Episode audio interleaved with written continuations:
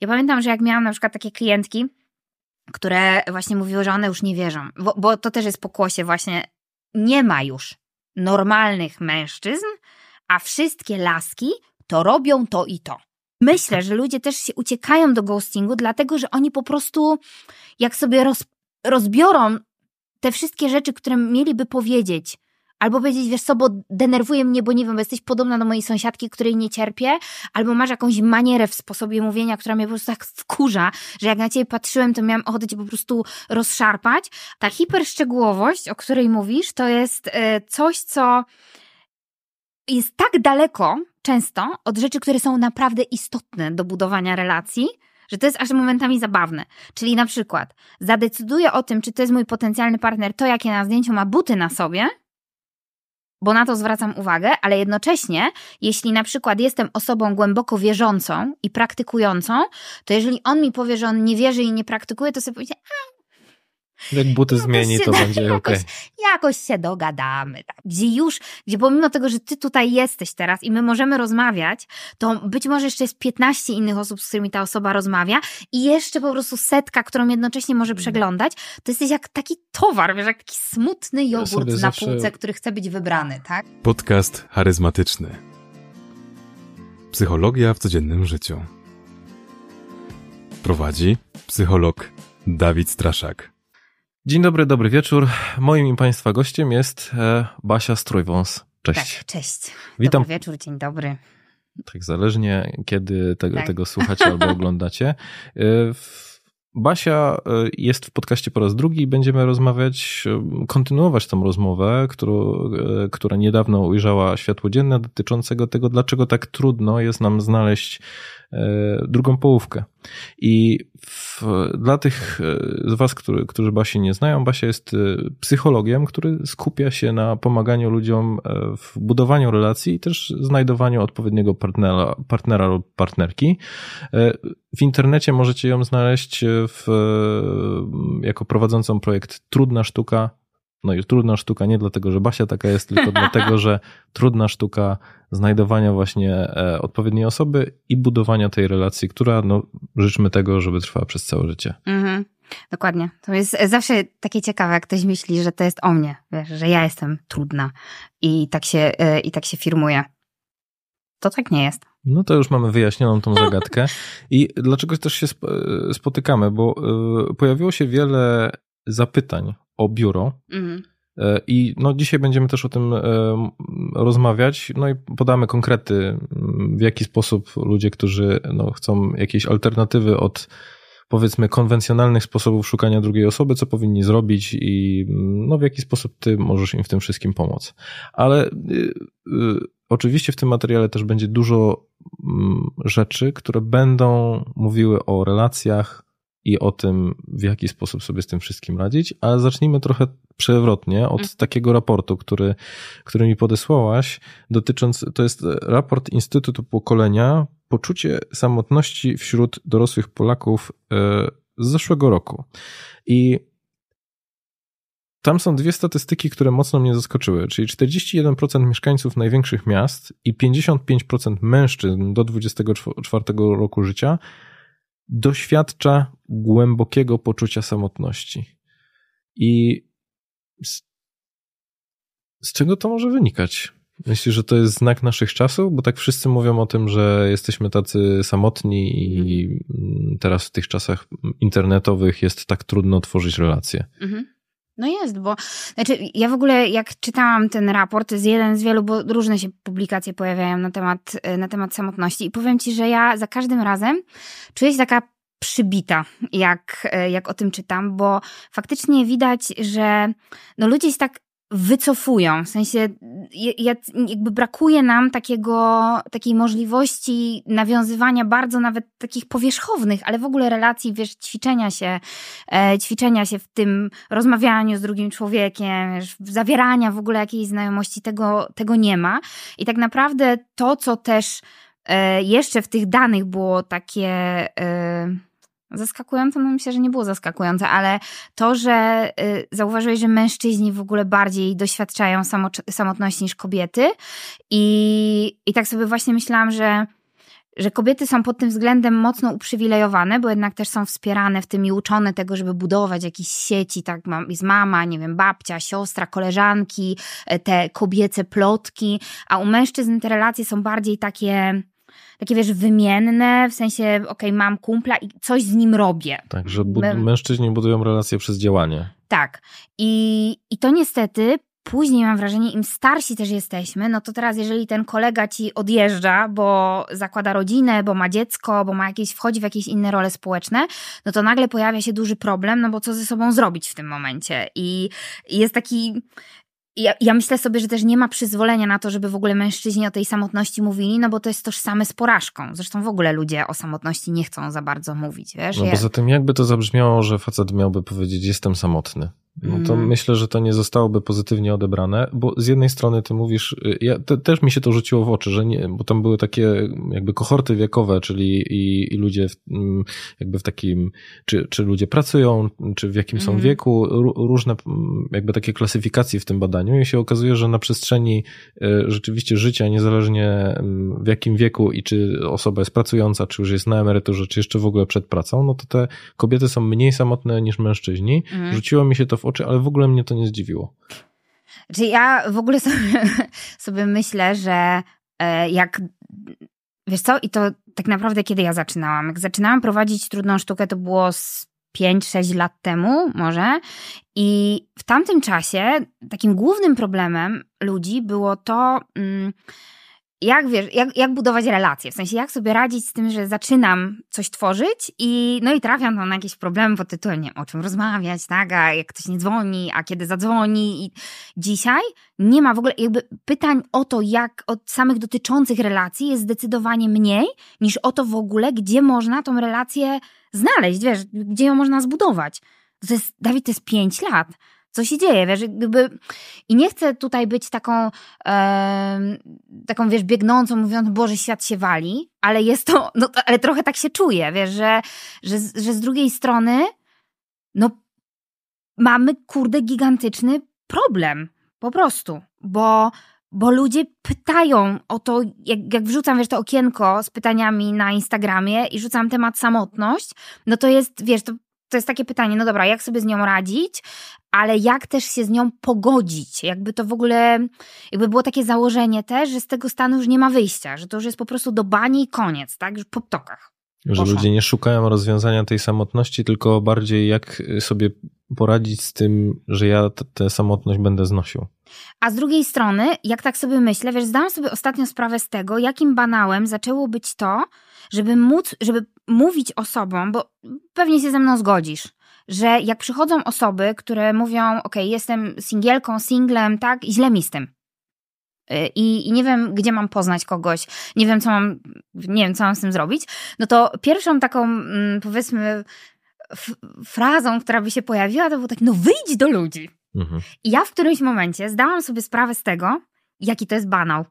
Wiesz, że, że, że jakby to się też przez pandemię mocno zmieniło, ale że trochę trochę takie rzuć kulę idź po prostu. I sama prowadziłam sobie ostatnio... No, Co powiedziałaś? Rzuć kulę i Aha, idź, wiesz. przepraszam, dobra. Mhm. E, że nie wiem, co usłyszałem. Żyć kuleć. Coś tak jakby zlepiło mi się to w jedno słowo. No i znowu będzie mój ojciec teraz mówił, że dziecko dykcja, dykcja. E, przepraszam wszystkich w takim razie, którzy mają problem z moją dykcją. E, ale prowadziłam sobie takie eksperymenty, wiesz, na własną rękę i na przykład ostatnio będąc w Warszawie, byłam w Warszawie e, i z, spotkałam się, słuchaj, z, z dwiema koleżankami i ja mówię, dobra, to idziemy w miasto jest piątek, zróbmy to też związane z, z, z, działką, w sensie taką pomocową mm, terapeutki. Ja mówię, dobra, to idziemy i zobaczymy teraz, jak to wygląda w praktyce. No wyjdź. No nie, duże miasto, mnóstwo ludzi, było ciepło, w ogródkach, knajpach, full, po kokardę. No i co?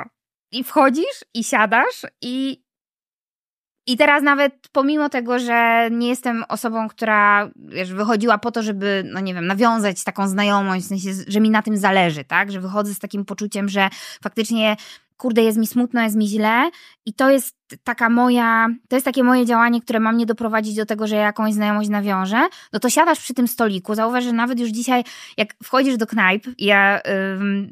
to było tak, że jak się wchodziło, Jezu, ja w ogóle się dziwnie czuję, jak to mówię, że lata temu, tak, ale pamiętam, że wiesz, studia i ten czas wychodzenia na imprezy były bary. W ogóle było tak, że wchodziłeś do knajpy, tam ludzie stali przy barze, zawsze tam no, tu się o kogoś szturchnęło, tam szedłeś coś zamówić, no to zawsze była jakaś szansa na to, żeby nawiązać znajomość.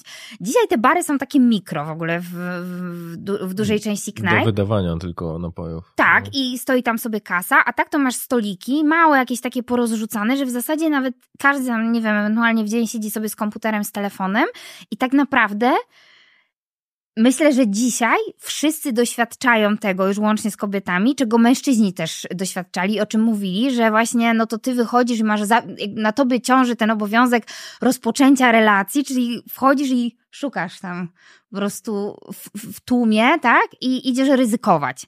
No ale dzisiaj widzimy, jakie to, można, się, można to poczuć, bo... Czyli mówisz o tym, że nawet architektura się na tyle zmienia, że ciężej jest prowokować takie, takie spontaniczne poznanie kogoś właśnie czekając przy, przy barze. No, albo widząc, że ktoś tam idzie, to, to za nim tam też pójdę, może mhm. domówię coś tam, zapytam o łyżeczkę, to sobie, to sobie porozmawiamy. No tylko właśnie, no wyjdź do ludzi. No i fajnie. No i gdzie masz wyjść? Warsztaty gotowania? Praktycznie same kobiety. Mówię o tym w kontekście relacji damsko-męskich, tak? Romantycznych. Same kobiety.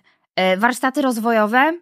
Czy to jest dobre środowisko do tego, żeby, e, żeby nawiązać relacje? Nie w każdej tematyce. Takie mam, t- takie mam poczucie.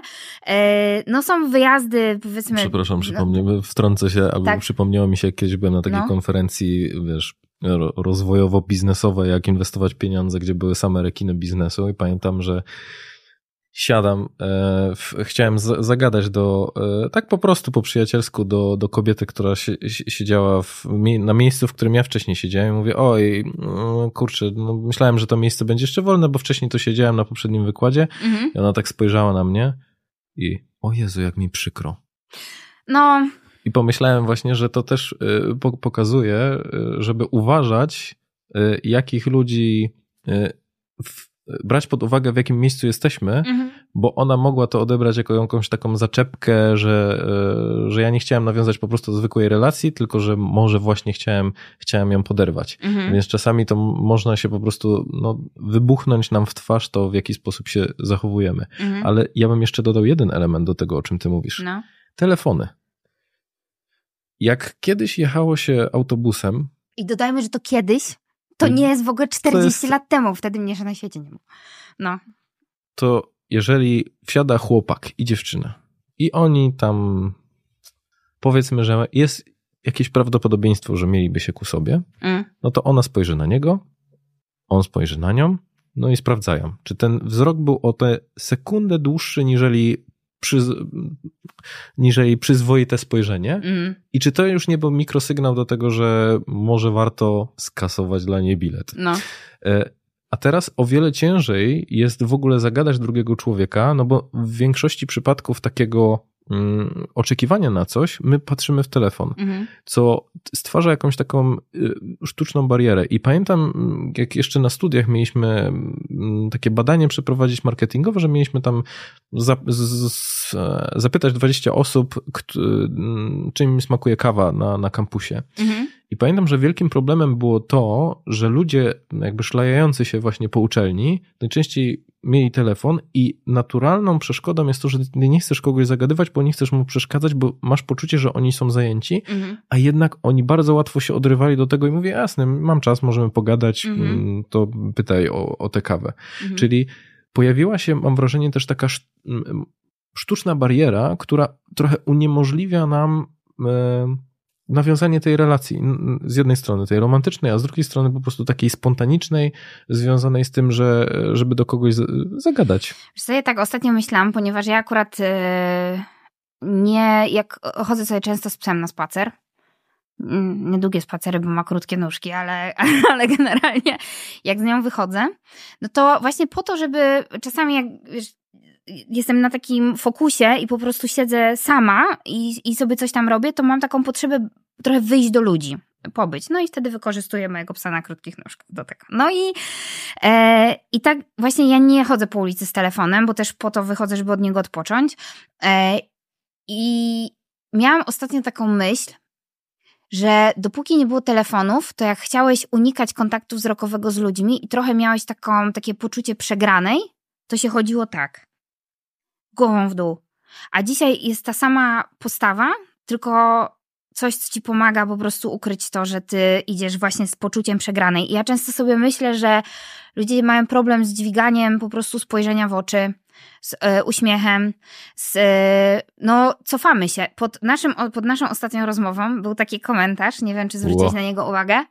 E, czekaj, to pod naszą było, e, albo może nie pod naszą, ale ogólnie może nie, nie wiem, nieważne. Mniejsza. W każdym razie o to, że właśnie y, pierdzielę bzdury, y, delikatnie mówiąc, bo to nie jest prawda, że że to się zmienia, jakby technologia się rozwija, mózg ewoluuje, w ogóle wszyscy za tym nadążamy i jestem boomerskim psychologiem, który po prostu nie rozumie, że moim zadaniem jest zamiast jojczyć, to uczyć ludzi nawigowania emocjami. Wiesz, tylko sobie myślę z drugiej strony, to, że technologia postępuje, okej, okay, tak, ale to, że ona się rozwija w określonych dziedzinach i nam pomaga, to jest jedno, ale to, że ona źle wpływa na relacje między ludźmi, to jest drugie i to jest niepodważalne.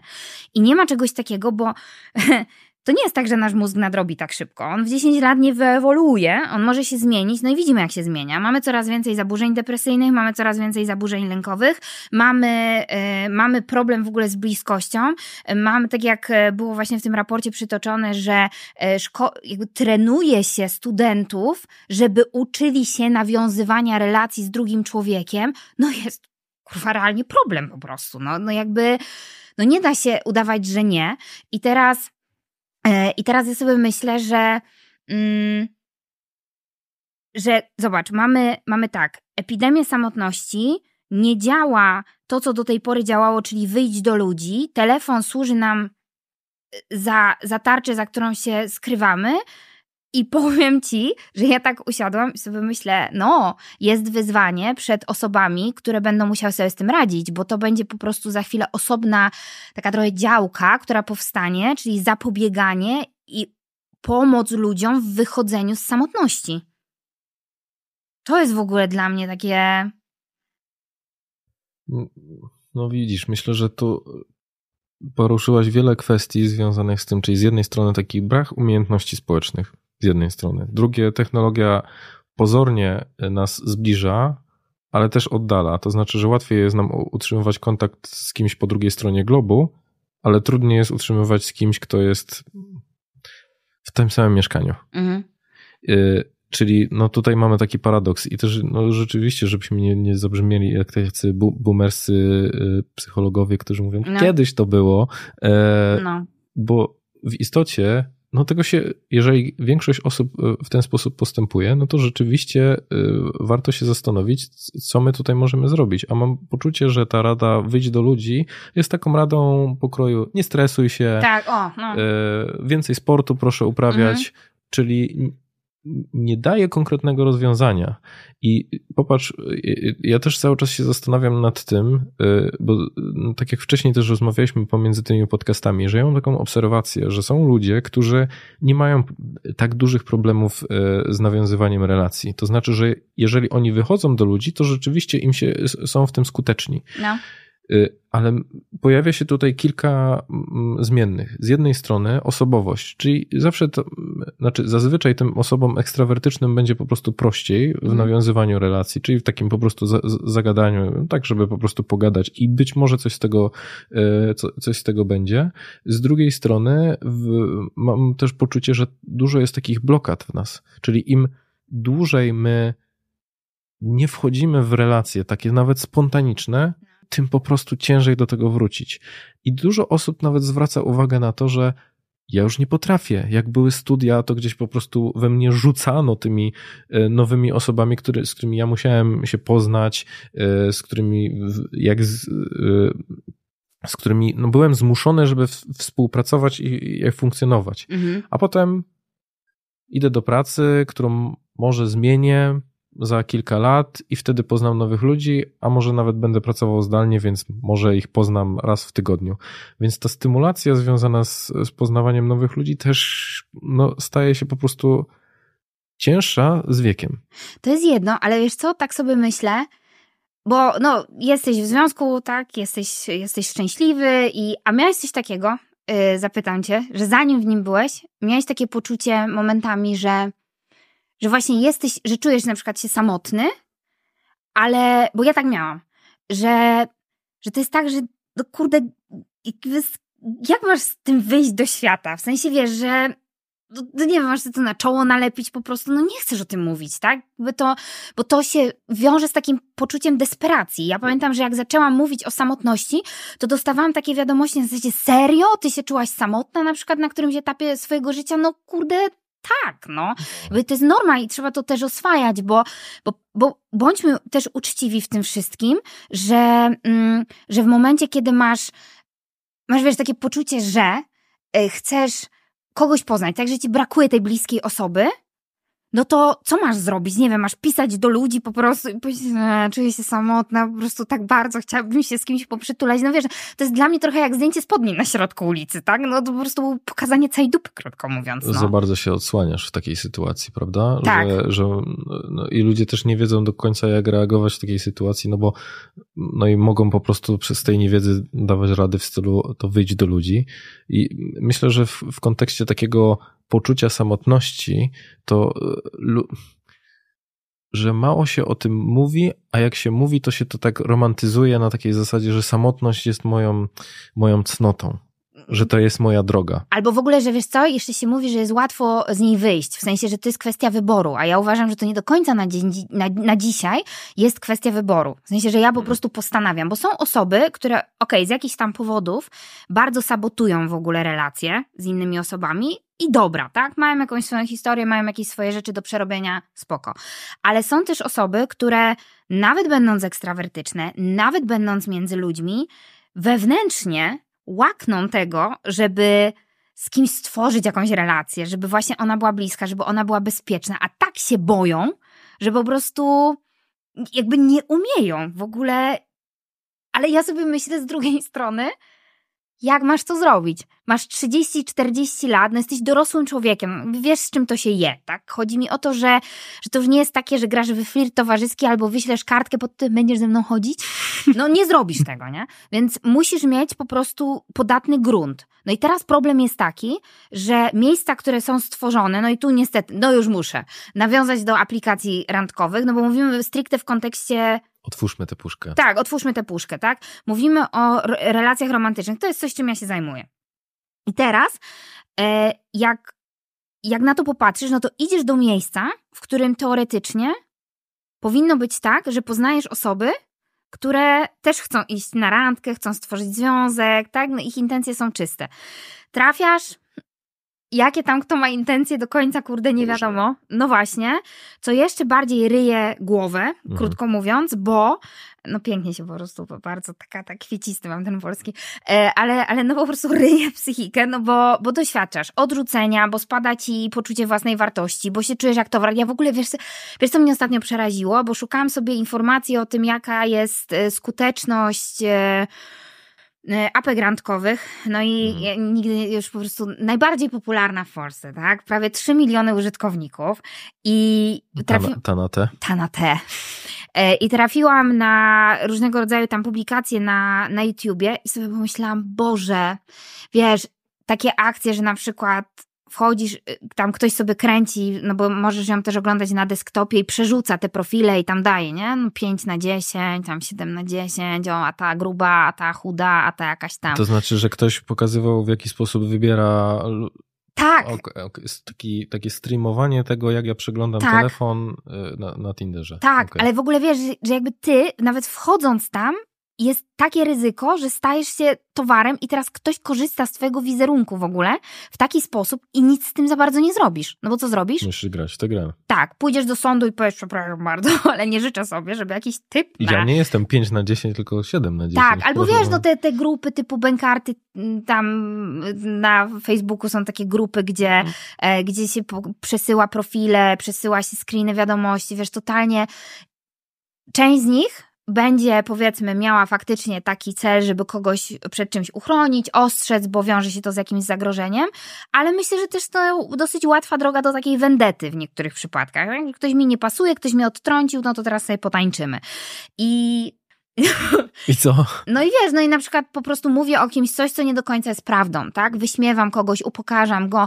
Masakra, wiesz, to jest tak jakby ktoś po prostu wziął twoje zdjęcie i teraz zobacz, no zaczynasz z kimś rozmawiać, jesteś tam ze swoim zdjęciem, imieniem, dostarczasz jakichś informacji, prowadzisz z kimś tą rozmowę i teraz stajesz się takim przedmiotem w czyjejś ręce. No, dla mnie to jest, powiem ci, ja, ja w ogóle mm, czasami to jest trochę tak, że odkrywam pewne zagłębia w internecie, o których nie mam pojęcia, no bo też nie jestem w stanie tego wszystkiego, e, wszystkiego przyswajać, ale mnie to przeraża.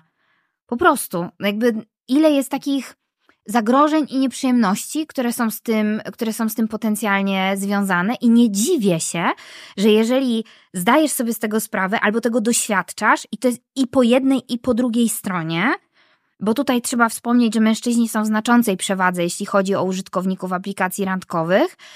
I jak ostatnio przeczytałam, że tylko widzisz, nie ma oczywiście takich jasnych statystyk, tak, które mówią, że oho, tak dokładnie jest, no bo to jest oczywiście każdego tam.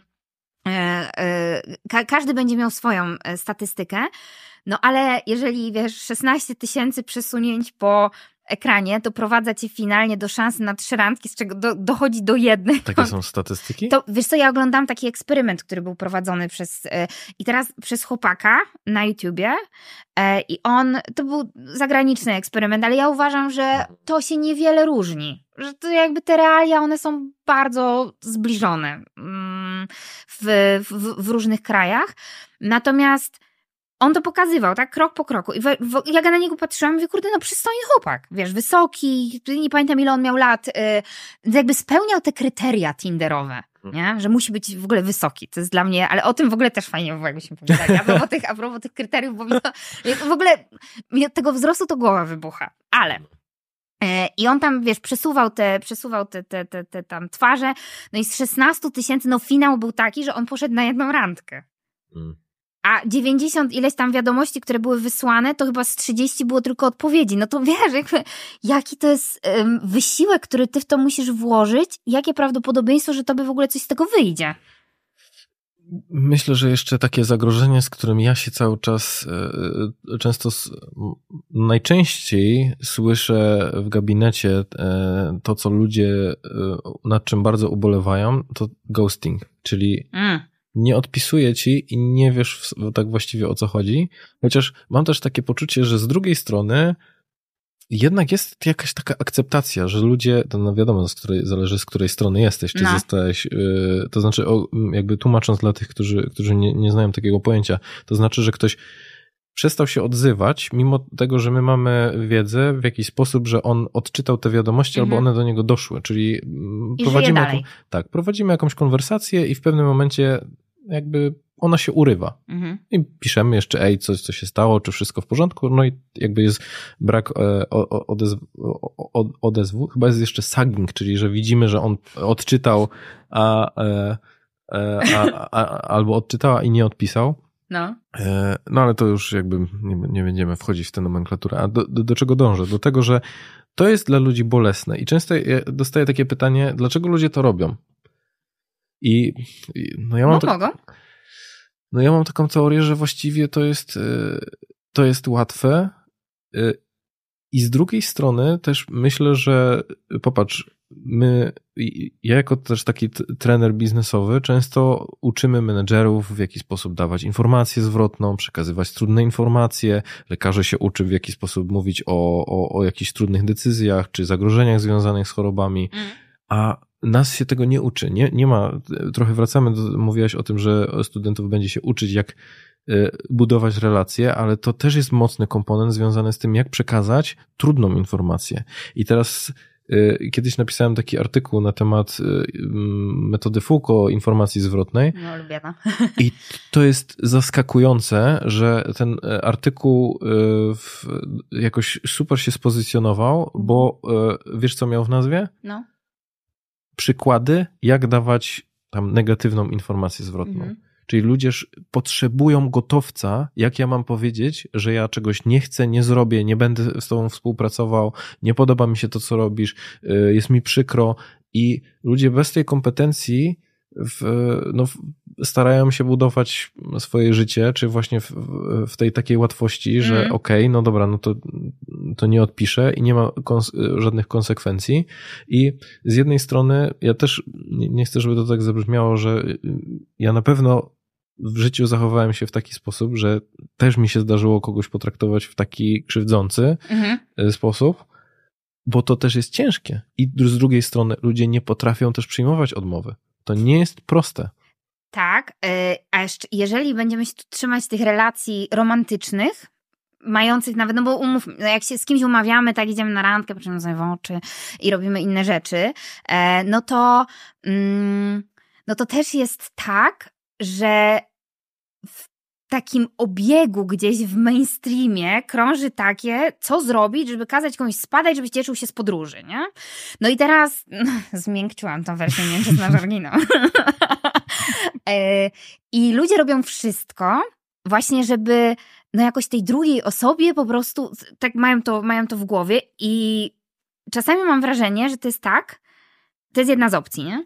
Że chociaż, chociaż ja nie lubię snuć takich teorii, dlaczego tak się może dziać, ale myślę, że to może być ewentualnie pomocne po prostu dla kogoś, kto się teraz zastanawia, dlaczego został zgustowany na przykład. Mhm. Y, że jak sobie pomyślą właśnie o tym, że muszą wygłosić tą jakąś jesteś taka fajna, wiesz, super, ogólnie ideał. Ale to, ja. ale to chodzi o mnie. To chodzi o mnie, to we mnie jest problem. I, i dobra, i teraz, że oni to powiedzą i jeszcze się spotkają z tym, no okej, okay, no to dobrze, no to chodzi o ciebie, to do widzenia, ale tam się pojawia często ten element, że ja cię przekonam. Ja ci w ogóle pomogę rozwiązać ten twój problem, który masz, no i nagle się okazuje, że w zasadzie trzeba by było po prostu powiedzieć, nie podobasz mi się. Mhm. To nie to. Jesteś spoko, ale po prostu to nie to, tak? To, to nie jest dla mnie, nie jestem zainteresowany, czy tam nie jestem zainteresowana. Sama pamiętam, że miałam taki przypadek, kiedyś mówiłam się na randkę, e, poszłam na tę randkę, było super, świetnie się gadało, ale ja po prostu siedząc tam wiedziałam, że no nie, tak? Nic z tego nie będzie. I uważam w ogóle, że to jest bardzo w porządku, żeby po takim spotkaniu przemyśleć sobie to jeszcze, żeby nie robić tego na gorąco, ale po prostu zadzwoniłam i powiedziałam, słuchaj, lub, lubię cię, bo ja nie mogę powiedzieć, że, że cię nie polubiłam. Natomiast to, czego jestem kocha. pewna, to, czego jestem pewna, to to, że ja, jeżeli chodzi o jakikolwiek tutaj element romantyczny, w sensie takiego te, te, te, te, nie, nie ma tego we mnie i tego nie będzie. Ja to po prostu wiem. No i po drugiej stronie, bo ja jestem dosyć taka konkretna Ostro. w udzielaniu informacji, ale też sobie pomyślałam, że i jeszcze w ogóle powiedziałam oprócz tego, że mogę ci zaproponować teraz, że będziemy się kolegować, ale jeżeli czujesz, że dla ciebie to kolegowanie się to nie jest po prostu takie, że pomyślałeś sobie dokładnie to, co ja, to dajmy sobie spokój, bo to jest po prostu nie okej. Okay. Basia, to, to się nie wydarza. Tak, tak, to, to jest y, to, co ty zaprezentowałaś. To jest rozmowa dwóch bardzo dojrzałych osób. No nie, bo po drugiej stronie była ogólnie wielka pretensja w ogóle, że, że jestem ocenna, wiesz, gdzie nie było żadnej oceny, bo ja po prostu przedstawiłam, jak ja czuję. I właśnie to jest to, o czym ty mówisz, że spotykasz się z takim, albo w ogóle jakimiś takimi zarzutami, że ty robisz coś złego. No kurde, każdy ma nam się prawo nie podobać, tak? No pewnie też się komuś w życiu nie podobałeś. Wiem, ja też. Wydaje się to niemożliwe, że może mi się komuś nie podobać, a jednak, tak? Będzie na shortsa. A jednak. Nie no, ale, ale tak serio mówiąc, no to wiesz, każdy człowiek, ja sobie myślę, że jeżeli yy, to jest właśnie to, wiesz, przecież wszystko jest ze mną okej, okay, no to czemu ja się komuś nie podobam? I to właśnie jest najlepsze, że jak ktoś do ciebie przychodzi i ci mówi, że z tobą jest okej, okay, to tak jest, tylko po prostu brakuje tam jakiegoś elementu, który by spowodował, że tam może być coś więcej. I to, to są czasami takie pierdoły, których byś nawet nie wymyślił. I, i, I czasami myślę, że ludzie też się uciekają do ghostingu, dlatego że oni po prostu, jak sobie roz, rozbiorą te wszystkie rzeczy, które mieliby powiedzieć, Albo powiedzieć, wiesz co, bo denerwuje mnie, bo nie wiem, bo jesteś podobna do mojej sąsiadki, której nie cierpię, albo masz jakąś manierę w sposobie mówienia, która mnie po prostu tak wkurza, że jak na ciebie patrzyłem, to miałam ochotę cię po prostu rozszarpać, albo w ogóle mnie nie pociągasz, to ja się zastanawiam czasami, czy te osoby, które też za wszelką cenę chcą tej informacji zwrotnej, byłyby na nią gotowe. Bo I myślę, że nie. To jest kluczowa rzecz. Ja bardzo często spotykam się z takim stwierdzeniem, że już lepiej, żeby mi powiedziała, że ona mnie nie chce, już lepiej, żeby on mi napisał tą najgorszą, jak to się ładnie mówi, że lepsza jest naj, najostrzejsza prawda y, niż naj, y, najlepsze, kłamstwo. najlepsze kłamstwo. I y, zastanawiam się, czy my rzeczywiście jesteśmy na tyle dojrzali, tak z ręką na sercu, żeby sobie odpowiedzieć na to, dlaczego nie. Dlaczego ta osoba chciałaby się zdecydować na to, że ona z tej relacji z nami nie chce budować już, już na starcie? Mhm. I z drugiej strony, no, czy my jesteśmy rzeczywiście, y, no, rzecz, no bo jeżeli zakładamy taką y, sytuację, takie prawdopodobieństwo, że ci, te osoby, które nas słuchają, są no, mocno dojrzałe, i y, są świadome swoich potrzeb, no. bo to już jest zupełnie inna, e, inna gra. Mhm. Bo popatrz, ty byłaś w stanie określić dokładnie, co ci nie grało i czego, e, które z twoich potrzeb docelowo byłyby niezaspokojone w tej relacji. Nie, to było, powiem ci, akurat tu wejdę ci w słowo, to było akurat, to nie było aż takie przemyślane. Ja po prostu wiedziałam, że on mi się nie podoba. Mhm. I po, po prostu. I jakby... E, ale obiektywnie był to mężczyzna, który uważam, że wielu kobietom mógł się podobać, ale po prostu coś takiego było, co mi się nie podobało i gdybym to rozpatrywała, wiesz co, pod kątem potrzeb, rozmowy, sposobu bycia, tak? Jakiegoś, nie wiem, wspólnych wartości. Czyli w Excelu by dostał same plusy, ale. Tak, gdybym to rozpatrywała czysto tak y, strategicznie, można powiedzieć, to byłoby ok. Natomiast był tu ten element po prostu, że nie, nie, coś w tym wyglądzie nie grało, ale jednocześnie mówię, obiektywnie uważam, że był to i jest mężczyzna, który może się podobać kobietom podobał się, bo jest, jest teraz e, też w relacji. Więc, mhm. więc... I do, do, do, czego dążę? Do tego, że widzisz, no to, to fajnie to nazwałeś, że my czasami nawet nie jesteśmy w stanie powiedzieć, o co chodzi. Hmm? Że my nie wiemy, jakby nie potrafimy nazwać tego, że kurczę, ja tak spojrzałem na niego i mam wrażenie, że on nie będzie się dobrze zajmował dziećmi, więc najprawdopodobniej nie jest to dobry materiał na takiego kandydata, którego ja bym potrzebowała w danym momencie swojego życia, bo te wartości są dla mnie potrzebne. My raczej mówimy, no, coś nie zagrało. Mhm. No i czy też chcemy przekazać tę informację właśnie w taki sposób, że trudno mi powiedzieć o co chodzi, ale nie. Mhm. E, myślę, że to za bardzo zostawia takie otwarte drzwi, w sensie tam można sobie po prostu dużo, dużo, dużo do, e, dopowiadać e, do tego. Natomiast ja mam takie, bo, bo ludzie często mają taki, a związek z rozsądku, a czy jeśli ja nie jestem do kogoś przekonana, czy przekonany, to czy warto, czy nie warto, wiesz. Ja mam takie um, przekonanie, że warto jest spróbować. W sensie, że czasami to pierwsze spotkanie, szczególnie kiedy spotykamy się z kimś, kogo nie mieliśmy okazji wcześniej widzieć, mamy jakieś tam założenia, jakieś doświadczenia, wiesz, jest tyle elementów, które mogą wpłynąć na to, że ktoś, kogo widzę pierwszy raz, będzie miał takie, że ja nie wiem.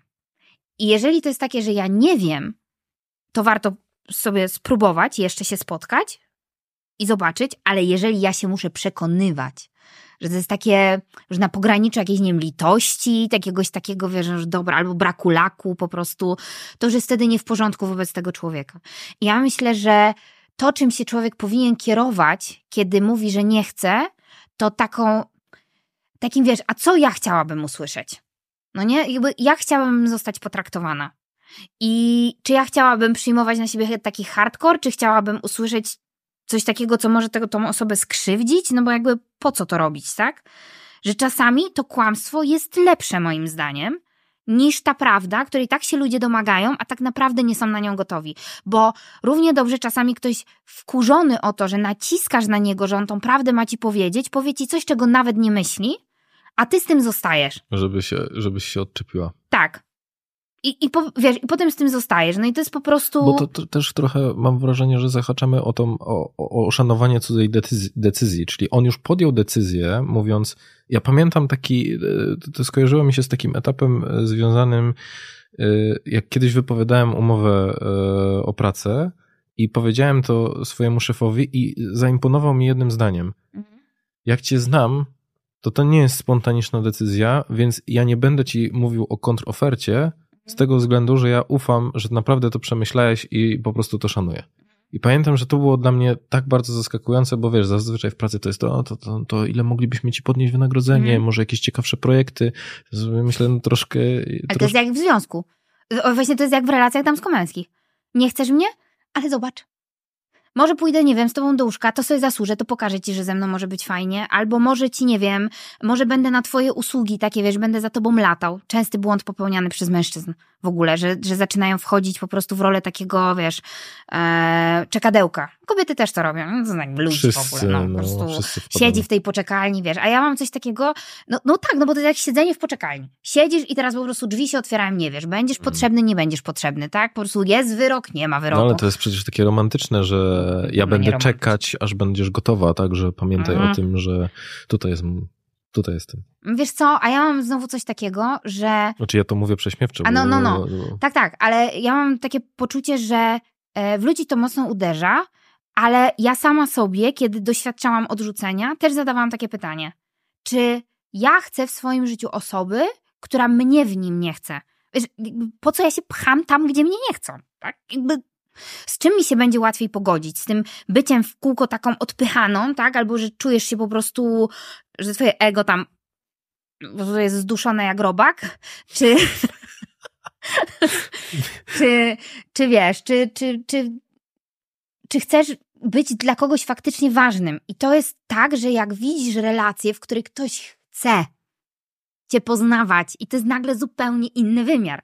To jest po prostu to, że ty mówisz, a może byśmy gdzieś poszli, no super, no to chodźmy, tak? Nie ma problemu. Jakby po prostu jest ta chęć po drugiej stronie, tam nie ma tego całego cierpienia, które uznawane jest za coś pięknego. To nie jest piękne. Nie ma nic ładnego.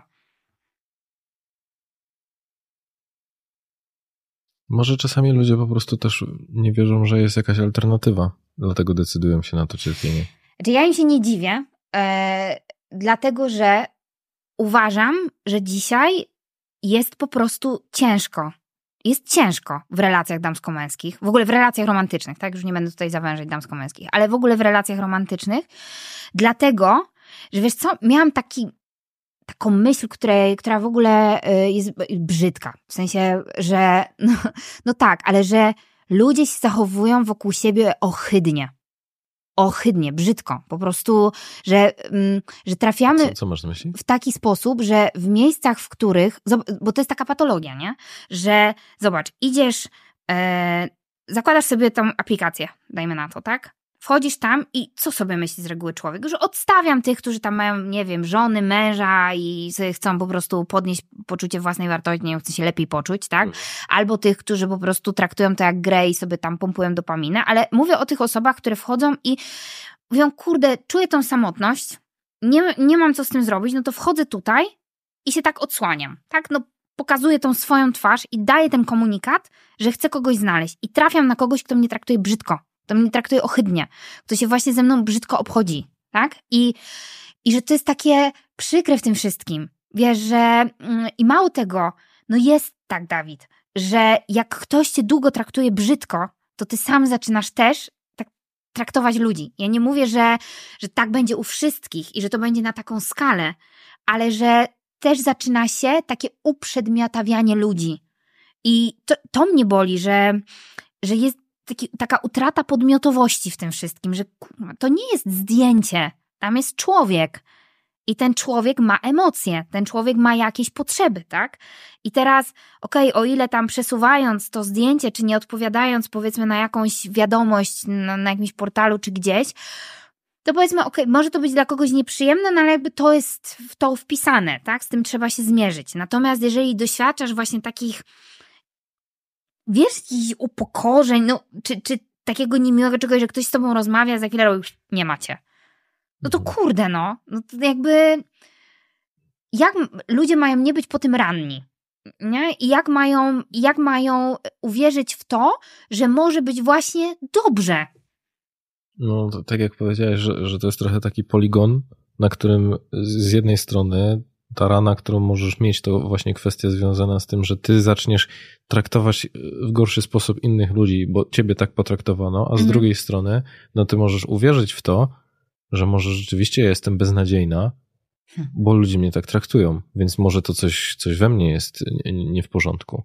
Mhm. Też przypomina mi się, jak rozmawiałem z, z doktorem Kusiem, który się zajmuje taką psychologią internetu i rozmawialiśmy na temat takiej agresji w sieci mm. i on powiedział, że najpowszechniej te, te, takie zachowania agresywne, nieuprzejme y, są związane właśnie z tym, że mamy takie poczucie, że tam można, mhm. że w internecie można. Mike Tyson to bardziej do, dosadnie powiedział, że ludzie nie dostają po buzi za to, co piszą w internecie, czyli nie ponoszą potencjalnie konsekwencji, bo popatrz, zakładam ten profil, piszę cokolwiek i nikt mi nigdy nie zwróci na to uwagi. Nawet jeżeli my się spotkamy w Lidlu, mhm no to najprawdopodobniej nie, nie, nie rzucisz we mnie makrelą za to, że ci coś brzydkiego napisałem. Mhm. Wędzoną. No najprawdopodobniej w ogóle cię nie spotkam. Od tego, yy, od tego zacznijmy, no nie? Że, że to jest po prostu tak, że my, się, że my na siebie nie trafimy. Ale... Mam prośbę. Jeżeli mój podcast w jakikolwiek sposób ci pomógł, to chciałem cię prosić o przysługę. Jeżeli oglądasz go na YouTubie, to będę wdzięczny za subskrypcję, komentarz lub łapkę w górę. Jeżeli słuchasz na Spotify, to za ocenę podcastu lub obserwowanie. Dla ciebie to dosłownie chwila, a mi pomoże docierać do coraz większej grupy osób i być może trafić do kogoś, kto akurat tego materiału potrzebuje oraz prężniej rozwijać ten projekt. Z góry dziękuję. Ale to, co mnie mm, tak właśnie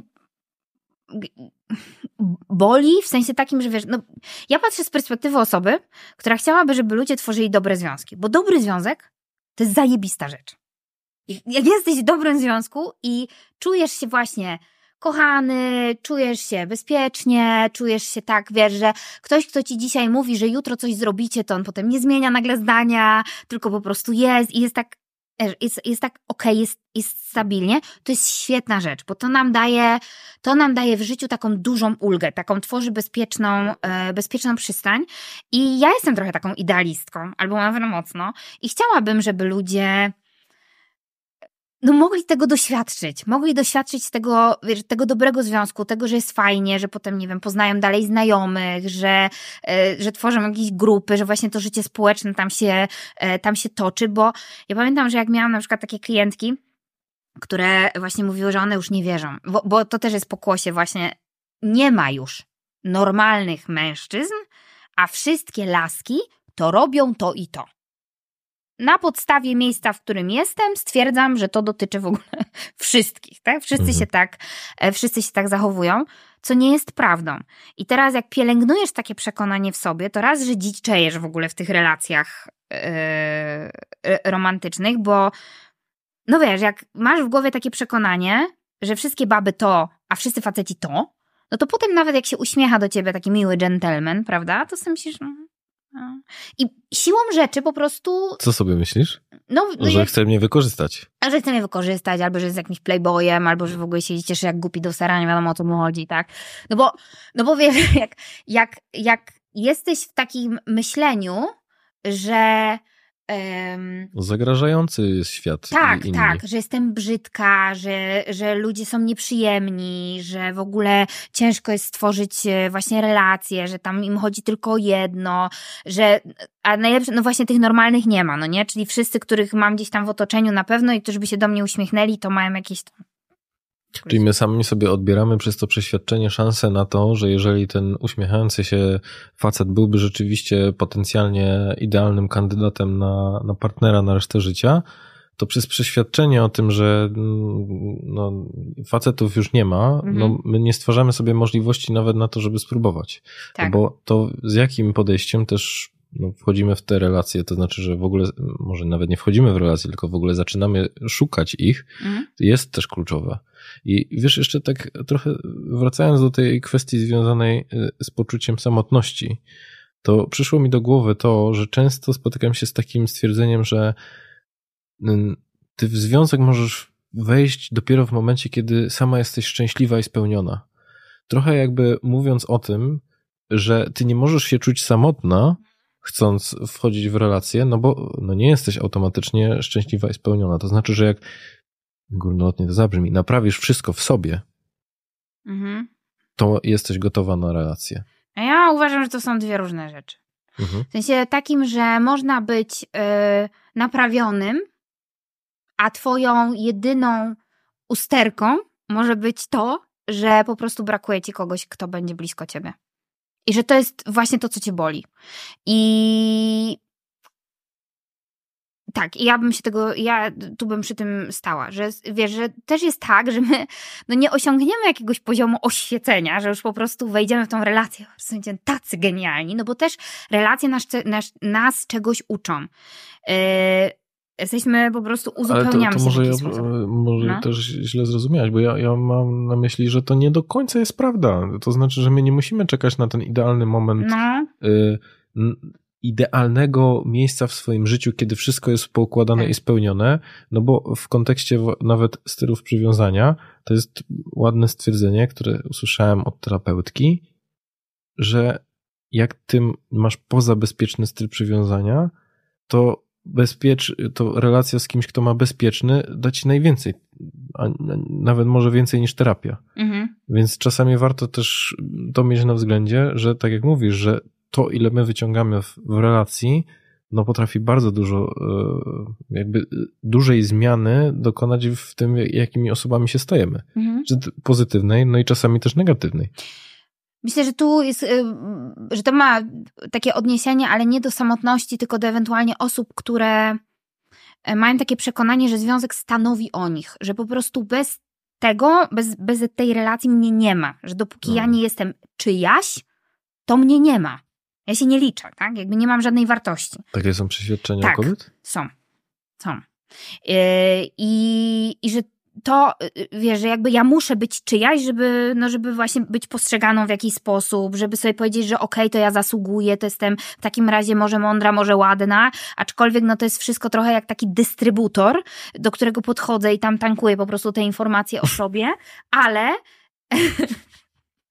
Jestem wielkim fanem twoich porównań. Ale, e, ale z drugiej strony, no jak się skończą, jak się to skończy, no to ja znowu jestem, wiesz, Koniec nie, ma, nie mam paliwa. zostaniesz sama ze sobą. Tak.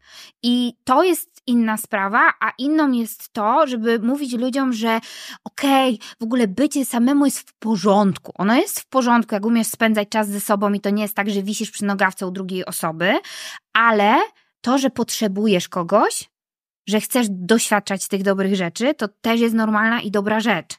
I do tego należy dążyć, bo my, będąc w dobrej relacji, no wiele na tym zyskujemy. Chociażby przez to, że to pozytywnie wpływa na nasze zdrowie. Na przykład. Więc tutaj jest. Ale wiesz, co jest najlepsze? W ogóle tak sobie myślę, jak powiedzieć, takie są przekonania u kobiet, bo e, no, u mnie większość społeczności to są, e, to są kobiety i ja w momencie, kiedy no parę lat temu, na początku te treści były czysto do kobiet kierowane, później stwierdziłam, że no, po co się ograniczać, bo coraz więcej mężczyzn się też um, pojawiało. No to są treści, umówmy się, dość takie uniwersalne. I dla mnie na przykład to jest takie ciekawe, że jedna i druga strona ma takie przekonania o sobie wzajemnie, że jak siedzisz po środku i słuchasz jednych mhm. i drugich, to widzisz, jak bardzo warto by było, żeby się zorientowali w temacie, bo to jest tak jak e, na przykład e, e, w, właśnie w kontekście biura, no nie? Że na przykład kobiety mówią, nie, ale w ogóle tam na pewno nie będzie mężczyzn. Na pewno ich nie będzie, bo, no bo tych bo normalnych, no, nie normalnych nie ma, wszyscy już są zajęci. Więc w ogóle, wiesz, otwieram biuro randkowe po to, żeby tam zgromadzić kobiety i je tam trzymać. E, a z drugiej strony, na przykład e, mężczyźni piszą, że no tylko oni mają taką obawę, że się powieli znowu to, co jest w aplikacjach randkowych, czyli że oni będą w znaczącej większości, bo tam się szacuje, że ich jest mhm. 70 ileś procent względem 20 ileś procent e, kobiet, no nie? No i tak siedzisz po środku i myślisz, Totalnie dwie różne. Yy, dwie... No, ograniczające też takie przekonania, które powodują, że ja nie spróbuję, bo, no bo wchodzę z założeniem, które nie do końca jest prawdziwe. Mhm. Znaczy, no nie wiem, no zakładam, że tak jest, że tak mhm. tak wygląda świat. Mhm. Tak samo jak z tym wzrostem. No. no nie? To jest po prostu. Yy, ja w ogóle tak ostatnio. Znaczy, ja rozumiem, że w momencie, kiedy dajemy ludziom kryterium i mówimy, OK, to co możemy zobaczyć, to jest to, jak wypadasz na zdjęciu tak? Ciebie o, oglądam cię od stóp do głów, tam się ludzie prężą, prezentują, no bo to jest ich jedyna wizytówka, jakby to jest to, co mogą dać. E, I, I dalej, no to zawrzeć jakieś tam informacje, no i wyszło na to, że okej, okay, wzrost jest ważny. On ma oczywiście znaczenie, bo mamy pewne preferencje wobec tego, czy akceptujemy, czy partner, partnerka może być wyższa, niższa od nas. My stanowimy punkt odniesienia, tak? Ale no urosło to do tego, że wiesz, nie, prawdziwy mężczyzna się zaczyna od 1,80 m. No to jest hmm. y, okej okay. i to jest kolejne przekonanie, które zacznie podlewać. To jest, to jest po prostu jakby, okej, okay, można mówić o ewolucji, ale jakby w to, nie, w, to, w to nie wchodźmy. Natomiast patrzę na, na kobiety, no i teraz masz dużo kobiet, które mają 1,50 m, 1,60 m i sobie myślę, no i co, jak on ma 1,75 m, 1,70 m, co ci to robi? Mhm. Jakby, a wiesz, a gdyby się odnosić do, do statystyk, tak, no to mężczyzna musi mieć powyżej 1,80 m, a kobieta musi mieć BMI 18. Czyli ostatnie śniadanie jadła trzy dni temu. Mhm. No. I to są takie, wiesz, kolejne rzeczy, które po prostu się hodują i utrudniają wchodzenie w relacje, bo mamy jakieś przekonania. Nie masz wrażenia, że to są jakieś te, takie, że od czasu do czasu po prostu są jakieś badania, które przeciekają do takiego e, mainstreamu, mainstreamu do takiej szerokiej społeczności i one trochę często też wyciągnięte z kontekstu są jakby takim, taką formą, może nawet trochę usprawiedliwienia. To znaczy, że ja trochę nie mam, y, nie mam szans, no bo przecież od 180 zaczyna się ten facet. Albo ja nie mam szans, no bo te BMI u mnie jest mm, jakby nieodpowiednie względem tych kryteriów, które, które wydaje mi się, że jest, rozglądamy się i patrzymy, no i rzeczywiście, no może znam trzech facetów, którzy mają więcej niż 180 mhm. y, i, i reszta jest w związkach, więc może jednak to nie do końca jest prawda. No i kwestia związana z, z, z wagą, y, no to co, no to raczej nawet w ogóle ciężko to zmierzyć, nie? Jakie masz BMI, to mhm. Czy ludzie, czy ludzie znają odpowiedź na takie pytania? E, Myślę, to, to... że dużo kobiet zna. Aha, okej. Okay. Tak, bo kobiety są, wiesz, jakby to jest y, w obsesji wyglądu, no to tutaj dalej tej obsesji piękna jesteśmy, nie? To, to, to nie ulega y, wątpliwości.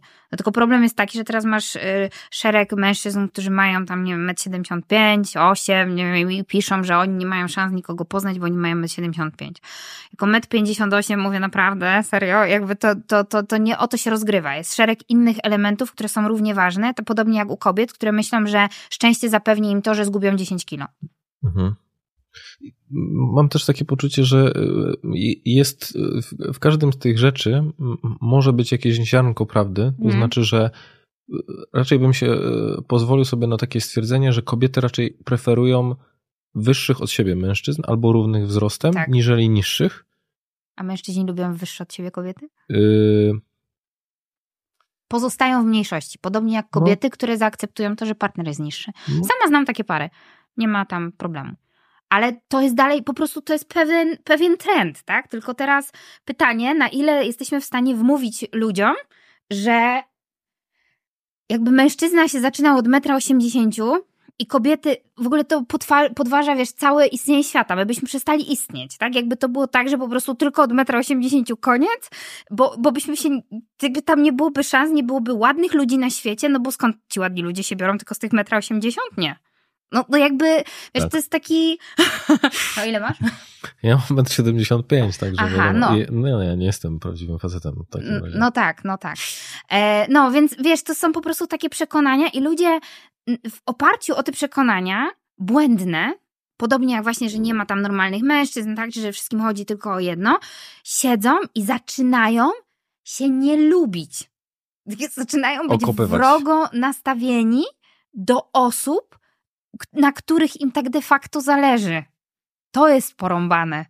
Dlatego mówię, ja patrząc na to, co się dzieje ogólnie na rynku matrymonialnym, myślę sobie, halo, mamy problem. Ja bardziej patrzę na to z takiej głębszej perspektywy. To znaczy, że w momencie, kiedy, bo często też y, jak pracuję w gabinecie z ludźmi, którzy chcą zmienić swoje życie, y, zmienić pracę, czy może po prostu zająć się czymś innym, to często są jakieś takie rzucane ogólne frazy, mhm. To znaczy, że no, bo jak będę zaczynał, no to będę zarabiał 2,5 tysiąca, nie mogę sobie teraz na to pozwolić, bo mam dom na, na, na to znaczy, jeżeli zmienię branżę, no to mhm. będę z, zaczynał od niskopłatnych stanowisk i no i to w ogóle nie, jakby nie wyjdzie, to, to nie będzie w ten sposób e, grało, co jest trochę takim takim argumentem, dlaczego ja w ogóle nie spróbuję. I y, mhm. często jak się tak podrapie to i się zdrapie tę te, te, warstwę y, związaną z tym, czego ty się właściwie boisz, to tam głębiej jest zupełnie inny argument niżeli ten. Więc ja zakładam, że często może się to pojawić na takiej zasadzie, że okej, okay, to ja y, odniosę się do pozornego argumentu, który mhm. jest niezależny ode mnie, mhm. no bo ja już się nie podwyższę, co daje mi możliwość do tego, żeby powiedzieć, to ja już, ja już na starcie nie jestem w stanie te, tutaj zmienić, no bo no, no, przegrałem na loterii, na której losowano wzrost i trudno. Mhm. Ja nie jestem w stanie nic zrobić. Ale stawiam dolary przeciwko orzechom, że tam jest coś głębiej pod tym, e, pod tym argumentem. Mhm. Więc, myśl, więc jeżeli miałbym, mógłbym sobie pozwolić na coś, mm, to, to, to żeby ludzie zastanowili się, ale tak właściwie to o co mi chodzi. Mhm. Dlaczego ja sobie na to nie pozwalam? Czy to rzeczywiście, to, czy to, co ja mówię, jest dla mnie takim powtarzanym hasłem? Czy ja rzeczywiście, bo obawiam się czegoś innego? Bo może się obawiam tego, że ostatnio ktoś mnie odrzucił właśnie w taki nieprzyjemny sposób, mm. że ktoś mi powiedział, że ja z tobą nie chcę być, bo ty, bo, no właśnie, bo może ktoś powiedział, że, że jesteś za niski. Mhm.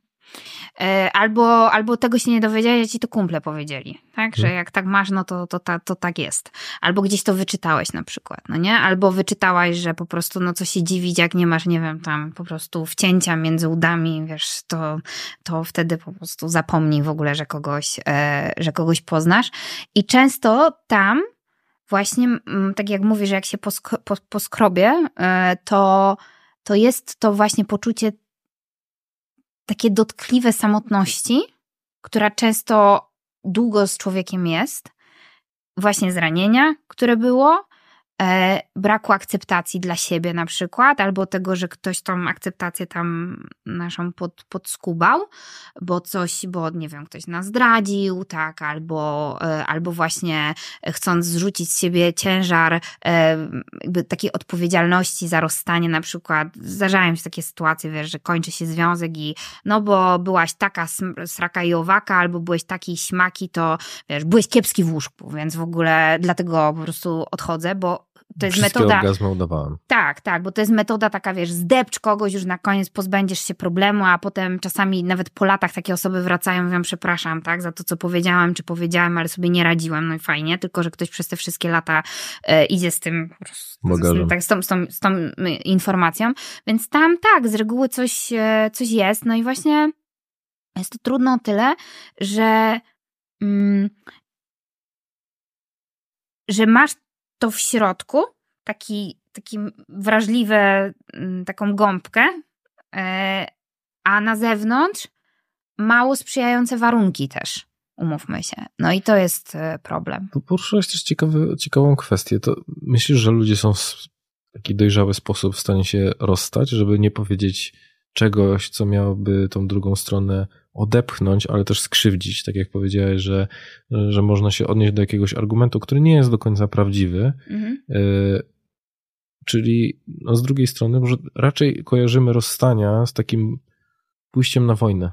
Mhm. Że my no, krzywdzimy tą drugą osobę, nawet już abstrahując od tego, że, że kończymy te relacje, że jednak no, jakby w przewadze jest ta osoba, która się decyduje na to rozstanie, no bo ona się mentalnie do tego jest w stanie przygotować.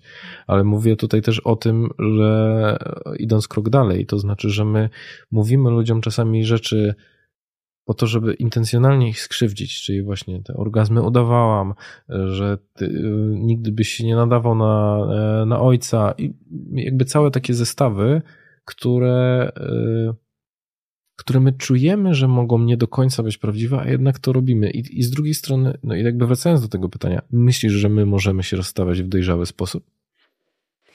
Możemy, tylko problem jest taki, że e, z, z moich takich doświadczeń z, z ludźmi e, wynika, że raczej ludzie robią wszystko, żeby. Oni próbują się rozstać bez konsekwencji.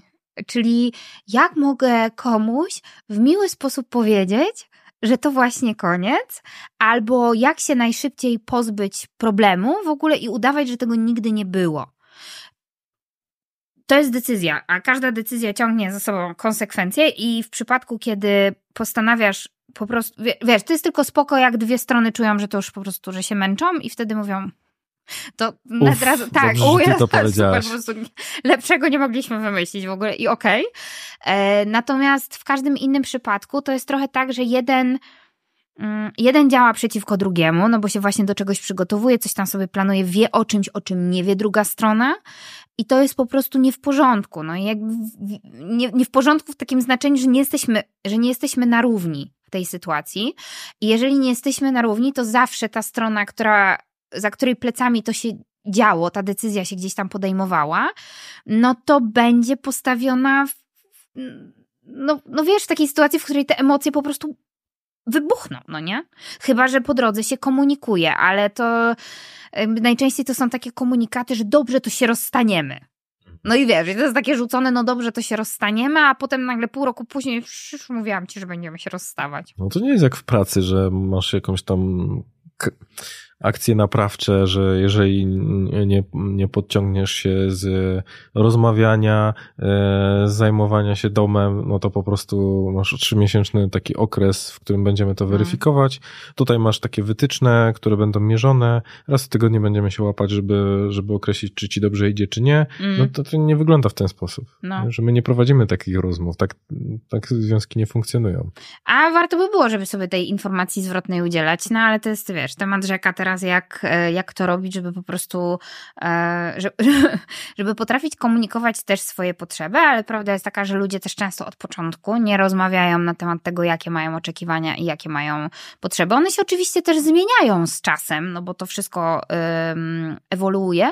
Natomiast raczej taka świadomość w ogóle potrzeb jest bardzo niska, wiesz, bo jak ja y, przed biurem prowadziłam ankiety i pytałam, no czego się wiesz, jakbyś miał opisać, jaki ma być, jaka ma być ta partnerka, tak? Czy, czy, ten, e, czy ten partner, no to tam po prostu albo to jest na takim poziomie uogólnienia, że w zasadzie, żeby było pięknie. Mhm. E, albo. Żeby, żebyśmy się kochali i żeby był dobry. Tak, e, tak, żebyśmy się kochali, żeby to było już takie na zawsze, żeby to było takie dobre, miłe i spokojne. No, fajnie. A dalej? Bo muszą być jakieś warunki spełnione, żeby coś takiego mogło mieć, e, mogło mieć miejsce, żeby to zagrało. E, I tutaj mm, myślę, że to działanie właśnie na takim życzeniowym mm, myśleniu u ludzi, że po prostu jak będziemy się kochać, to już wszystko się w ogóle poukłada. To już, okej, okay, to pomaga. Jak my się kochamy i nam zależy i jesteśmy zaangażowani, to oczywiście, że mierzenie się z tymi oczekiwaniami czy potrzebami, jesteśmy wobec tego bardziej otwarci ale do, do samej miłości nie ujedziesz, nie? To, to jakby to nie da, to nie da rady na samym takim uczuciu, bo, bo też to co to jest ta miłość, tak? No bo dla mnie, w moim odczuciu miłość to są po prostu emocje, które się pojawiają w momencie, kiedy ja doświadczam jakichś rzeczy. Daję komuś, dostaję od niego, czymś się wymieniamy, coś razem robimy, że to jest taki efekt czynności, które my, wiesz, które są dla nas wspólne, a nie jakiś byt po prostu bliżej e, nieokreślony, jeszcze oczywiście bezwarunkowy w przypadku, w przypadku dorosłych, no.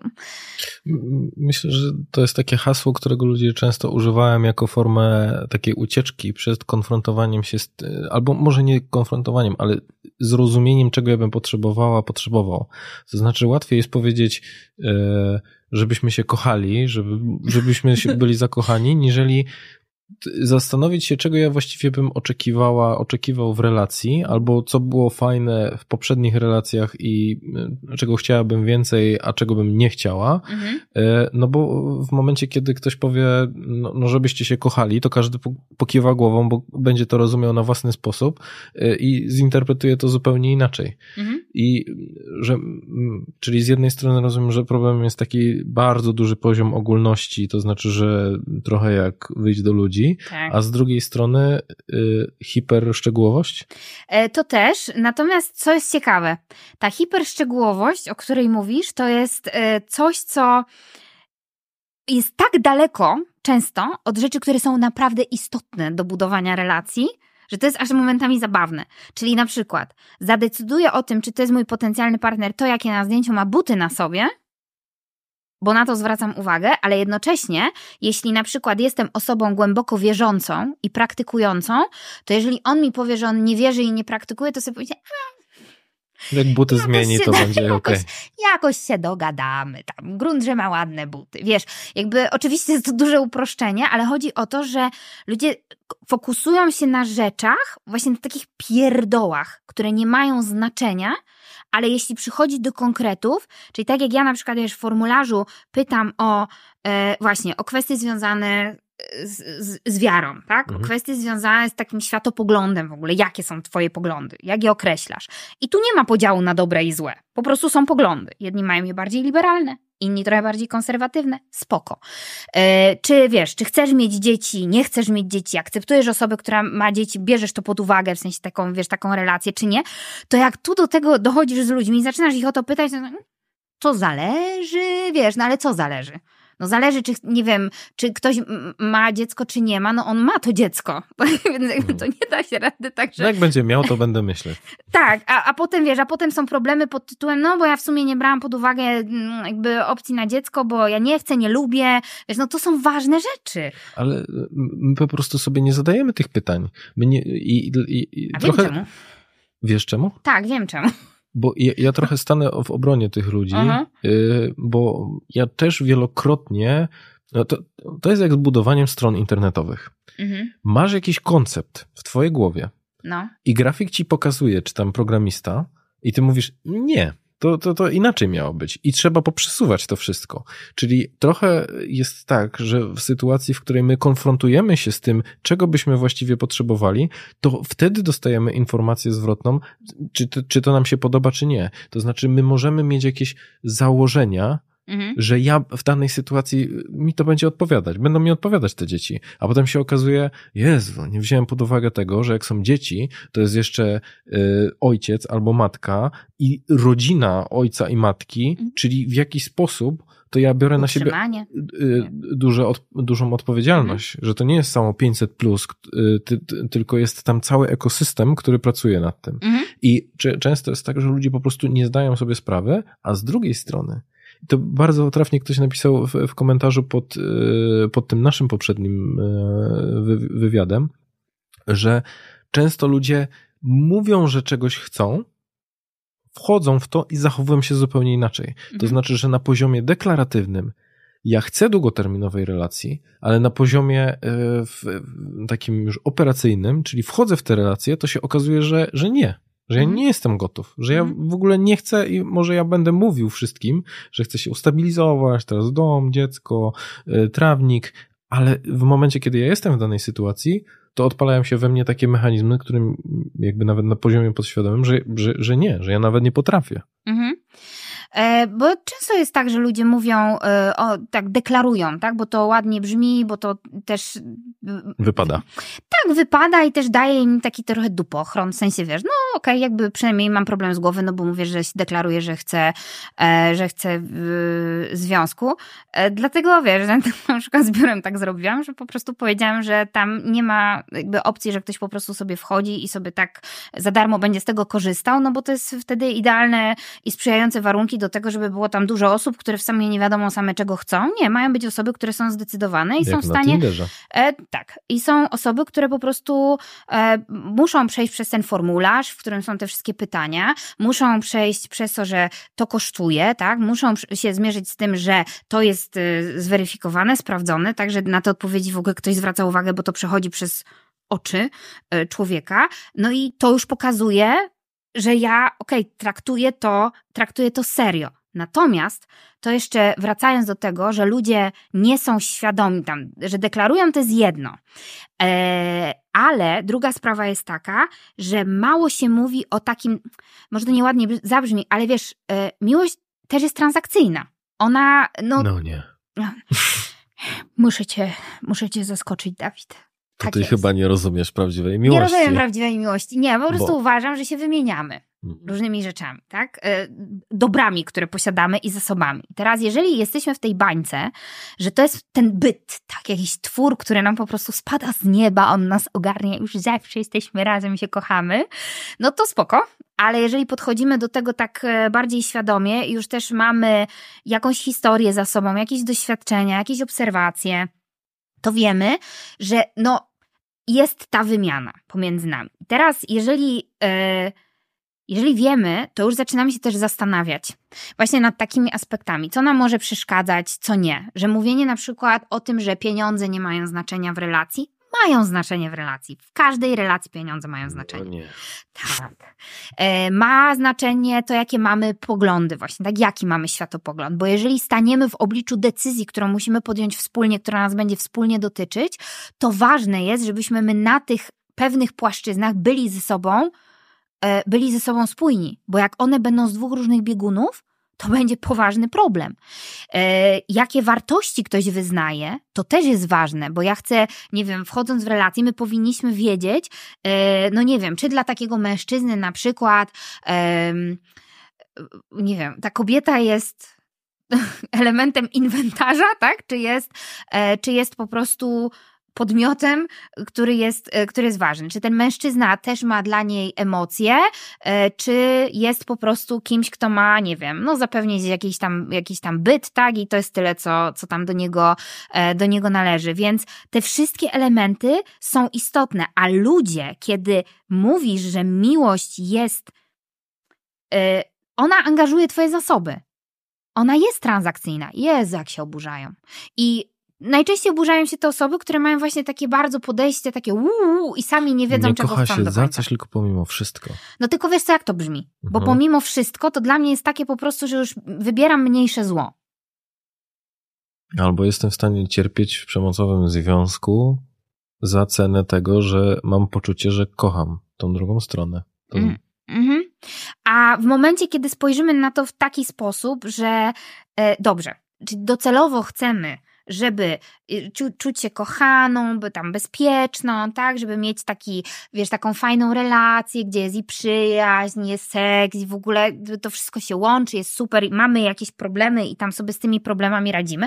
Dodajmy, że też wiele z tych e, kwestii będzie miało wpływ na to, czy konflikty się będą pojawiać, jak będziemy sobie radzić z konfliktami, bo tam, gdzie się mówi o tym właśnie, że na przykład, e, no nie wiem, kwestie wiary nie mają znaczenia, no pierwszy konflikt, na który napotkasz teraz, jeżeli będziesz miał dwa radykalnie różne poglądy i to nieprzegadane, chrzcimy to dziecko, czy nie chrzcimy tego dziecka, tak? Albo ślub. No, czy albo ślub. ślub, czy nie. E, albo na przykład, czy...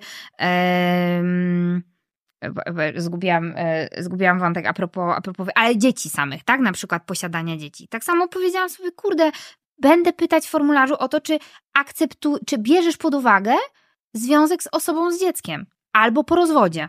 Bo jeżeli dla kogoś to jest no-go, to po co tych ludzi w ogóle ze sobą poznawać, narażając ich na to, że, y, że po prostu wiesz, będziesz siedział teraz jako na przykład taki, y, taki ojciec, który ma dwójkę dzieci na przykład z poprzedniego związku, naprzeciwko dziewczyny, która mnie powiedziała, ale dasz radę utrzymać trójkę? Bo nie, nie, no nie brałam nigdy pod uwagę tego, że no Zresztą do mnie w ogóle napisał e, pan, który e, był jako reprezentant grupy e, osób tam zrzeszonej, które są bezdzietne z wyboru, z tym, że po prostu ta grupa reprezentuje takie określone poglądy i po prostu czy te rzeczy będą doprecyzowane w formularzu, bo to jest dla nich istotne, a, a, się, o tym, a się o tym nie mówi. I wiesz, Konkret. i nie ma pytań na zasadzie, czy e, bierzesz pod uwagę właśnie związek ze sobą po rozwodzie, może tak, może nie, to zależy, bo to uważam, że się bierze jako tak. Mhm. Tak? A jeżeli nie biorę, to nie biorę i koniec. I po prostu tak samo jest, nie wiem, z możliwością przeprowadzki, wiesz, chciałam się zmierzyć z tym takim właśnie falą tego życzeniowego myślenia. Wiesz, myślę, że to jest taka spełniasz trochę moją fantazję, bo pamiętam, że jak, e, jak korzystałem z Tindera, to pamiętam, że pomyślałem, że Jezu, jak, jak, jaką ulgą byłoby to, gdyby e, już ktoś trochę wykonał tą robotę za nas, to znaczy ja bardziej myślałem o kontekście związanym z tym, że wchodząc na taką aplikację, wypełniasz jakieś takie nawet podstawowe 10 pytań, mhm.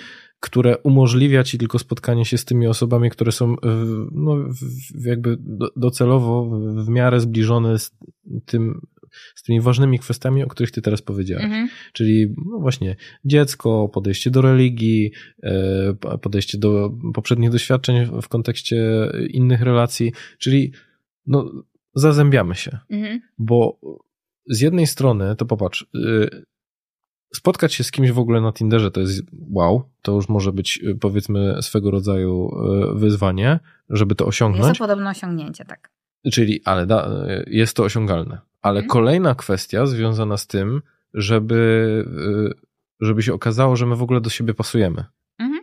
Czyli, że nie musisz wcisnąć reset i zaczynać tej gry od początku i tam przesuwać w lewo, w prawo, mhm. e, albo polegasz na tym, że ktoś może przyjdzie na domówkę twoich znajomych i może kogoś poznasz, albo mhm. w pracy przyjdzie ktoś nowy i może to będzie e, sposobność do tego, żeby, żeby poznać kogoś innego, albo w końcu wyjdziesz do ludzi i kogoś poznasz. Przypadkiem. Każdy czas, no wiesz, co tydzień ktoś wygrywa w jakiejś loterii, tak? No to, to tak jest. No ktoś co tydzień zostaje milionerem.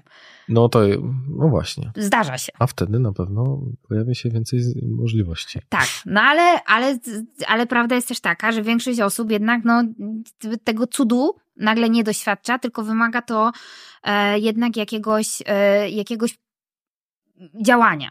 No nie? No to i teraz. O co jeszcze pytasz w kwestionariuszu? Co, co, co weryfikujesz? Bo domyślam się, że tych pytań jest dużo, Sporo. ale jak miałabyś przedstawić takie grupy, mhm. czego się spodziewać, bo e, dlaczego też o tym wspominam? Bo mam takie poczucie, że ty w ogóle zmuszasz ludzi, żeby oni sobie odpowiedzieli na te pytania, na które nikt inny, yy, znaczy na które sobie często nie odpowiadamy.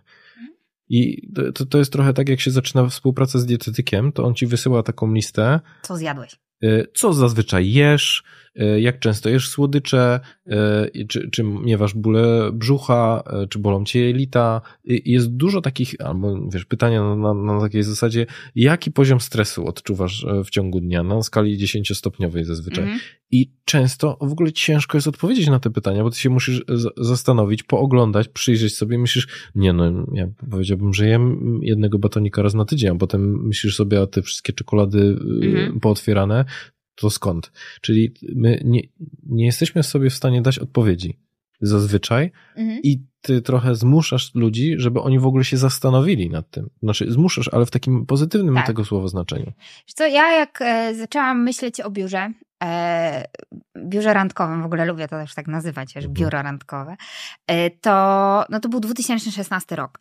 Bardzo się zmieniała e, ta cała ewolucja. Znaczy, bardzo koncepcja. ten projekt, tak, ta koncepcja ewoluowała, no też ja, ja się rozrosłam, w sensie moje zasięgi się y, bardzo rozrosły, dużo, dużo ludzi się pojawiło wokoło.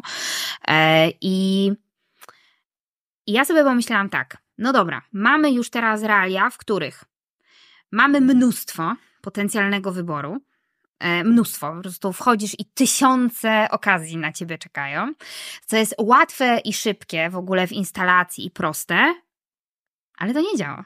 No bo jednak nie rozwiązało problemu, tak? E, I to jest też kwestia oczywiście, bo pamiętam, że jak e, pierwszy raz rozmawialiśmy, to ktoś powiedział, no tak, bo ona mówi, że dopóki, e, że jak coś jest bezpłatne, to ty jesteś towarem. No co jest prawdą, tak? Bo jeżeli korzystamy z czegoś bezpłatnie, to jesteśmy towarem, a drugie, że aplikacje nie mają na celu tego, żeby... Mm, żeby nam tą drugą połówkę znajdować, no bo one na nas zarabiają do momentu, kiedy tam jesteśmy. I to jest kwestia modelu biznesowego. I ja się nie boję też mówić o tym, że biuro randkowe jest biznesem, ponieważ za tym w moim odczuciu idzie odpowiedzialność. Bo jeżeli to jest biznes, który ja firmuję swoim imieniem, nazwiskiem i twarzą i całą swoją marką, którą zbudowałam przez te wszystkie lata, to, e, to sobie myślę, to jest po prostu inny model, tak? Czyli model, który nie zakłada, że można nam wrzucić wszystkich łatwo, przyjemnie i dać ogromny wybór, tylko jest to ograniczone, kosztuje więcej, wymaga więcej e, pracy, w takim znaczeniu zaangażowania mhm. i wymaga odpowiedzialności też, którą ponosisz zapisując się tam, no bo oświadczasz pewne rzeczy, tak, że one są, e, że one są e, prawdą. I moim celem jest to, żeby, wiesz, za rok e, pobawić się na pierwszym weselu. Ale, ale generalnie, żeby te osoby, które poznają, żeby powiedziały innym, da się, można, tak? Mam ja myślę, że są po prostu takie osoby na świecie, które są idealistami. I teraz zasada była taka, że ja pracując w tym obszarze przez lata, powiedziałam sobie, to nie może tak być, że ty odpowiadasz na trzy pytania i na tej podstawie udajemy, że jesteśmy w stanie dopasować do siebie osobę. Nie jesteśmy. Tak samo jak nie wierzę w to, ale to jest kwestia mojej wiary albo niewiary, bo e, nie powiem, że mam na to dowód, tak? Natomiast uważam, że jeżeli ktoś płaci za aplikację, nie wiem, 10-15 dolarów i wierzy w to, że tam gdzieś siedzi szereg e, osób, które po prostu skanują preferencje i dobierają te propozycje, wątpię w to bardzo mocno, bo, e, bo biuro nie opiera się na algorytmie. Ono się opiera na człowieku. Czyli jest tak, że wypełniasz ten formularz, który właśnie mierzy cię z takimi pytaniami typu chcesz dzieci, nie chcesz dzieci, jesteś gotów na przeprowadzkę, nie jesteś gotów na przeprowadzkę, tak? Mam takie poglądy, śmakie poglądy. Co jest najlepsze? Każda odpowiedź w tym formularzu jest dobra. Nie ma czegoś takiego, że któraś, którą tam zaznaczysz, to będzie coś, co po prostu. czerwony X. Tak, występ, po prostu wpadasz do, wiesz, do jakiejś czarnej dziury i cię nie ma, bo to była zła odpowiedź. No nie ma złej odpowiedzi, bo to są twoje preferencje i twoje oczekiwania. I teraz e, po tym wszystkim masz też pytania otwarte. Czyli tak jak ludzie się na przykład boją o wygląd, no nie? Że czy ja mogę sobie wybrać, jak ktoś ma wyglądać? No ale e, to nie jest tak, że sobie Robimy to. Tak, personalizujesz sobie człowieka i teraz tak, włosy takie, oczy takie, mam pewne preferencje i okej, okay, to jest dla mnie w porządku, czyli właśnie chcę, żeby na przykład ta osoba była wyższa ode mnie. Ale e, no czy ona będzie, wiesz, wyższa o 20 centymetrów, czy o 10 centymetrów, czy o 8 centymetrów, to myślę, że e, w przypadku relacji naprawdę ma niewielkie znaczenie, tak? Jakby, bo ten najważniejszy element został zachowany. Jeżeli ktoś mówi, że na przykład coś jest dla niego, ma na to przestrzeń tam, żeby sobie odpowiedzieć na pytanie, że dla mnie na przykład w tym wyglądzie, no nie do, po prostu nie do przejścia. Nie do przejścia jest dla mnie, żeby ktoś nie miał czarne włosy. Koniec. Po prostu nie jestem w stanie, no mam jakieś swoje powody. W porządku, ja to rozumiem, że można mieć jakąś taką, wiesz, określoną preferencję, tak? Albo, że na przykład nie podobają mi się po prostu osoby, które są turbo, turbo szczupłe. Koniec. U, hmm. Jestem uprzedzona od razu. E, w porządku. Ale nie takie, wiesz, że po prostu przeglądamy, przeglądamy, wywalamy tam. Nie. To są pytania, właśnie dotyczące e, światopoglądu, dotyczące preferencji, w ogóle jakby samego tego, jaka ta osoba jest, e, jak ona wygląda, ok, jaki jest mój styl życia, jakie ja mam, wiesz, wizje na temat e, przyszłości, jakie tam mam plany. Dużo jest tych pytań w ogóle, ale też właśnie to, że za tym siedzi człowiek na końcu i to przegląda, to później możesz powiedzieć tak. Są kwestie nienegocjowalne, i teraz przychodzisz do, do, do, do biura, w sensie składasz sobie, wiesz, formularz.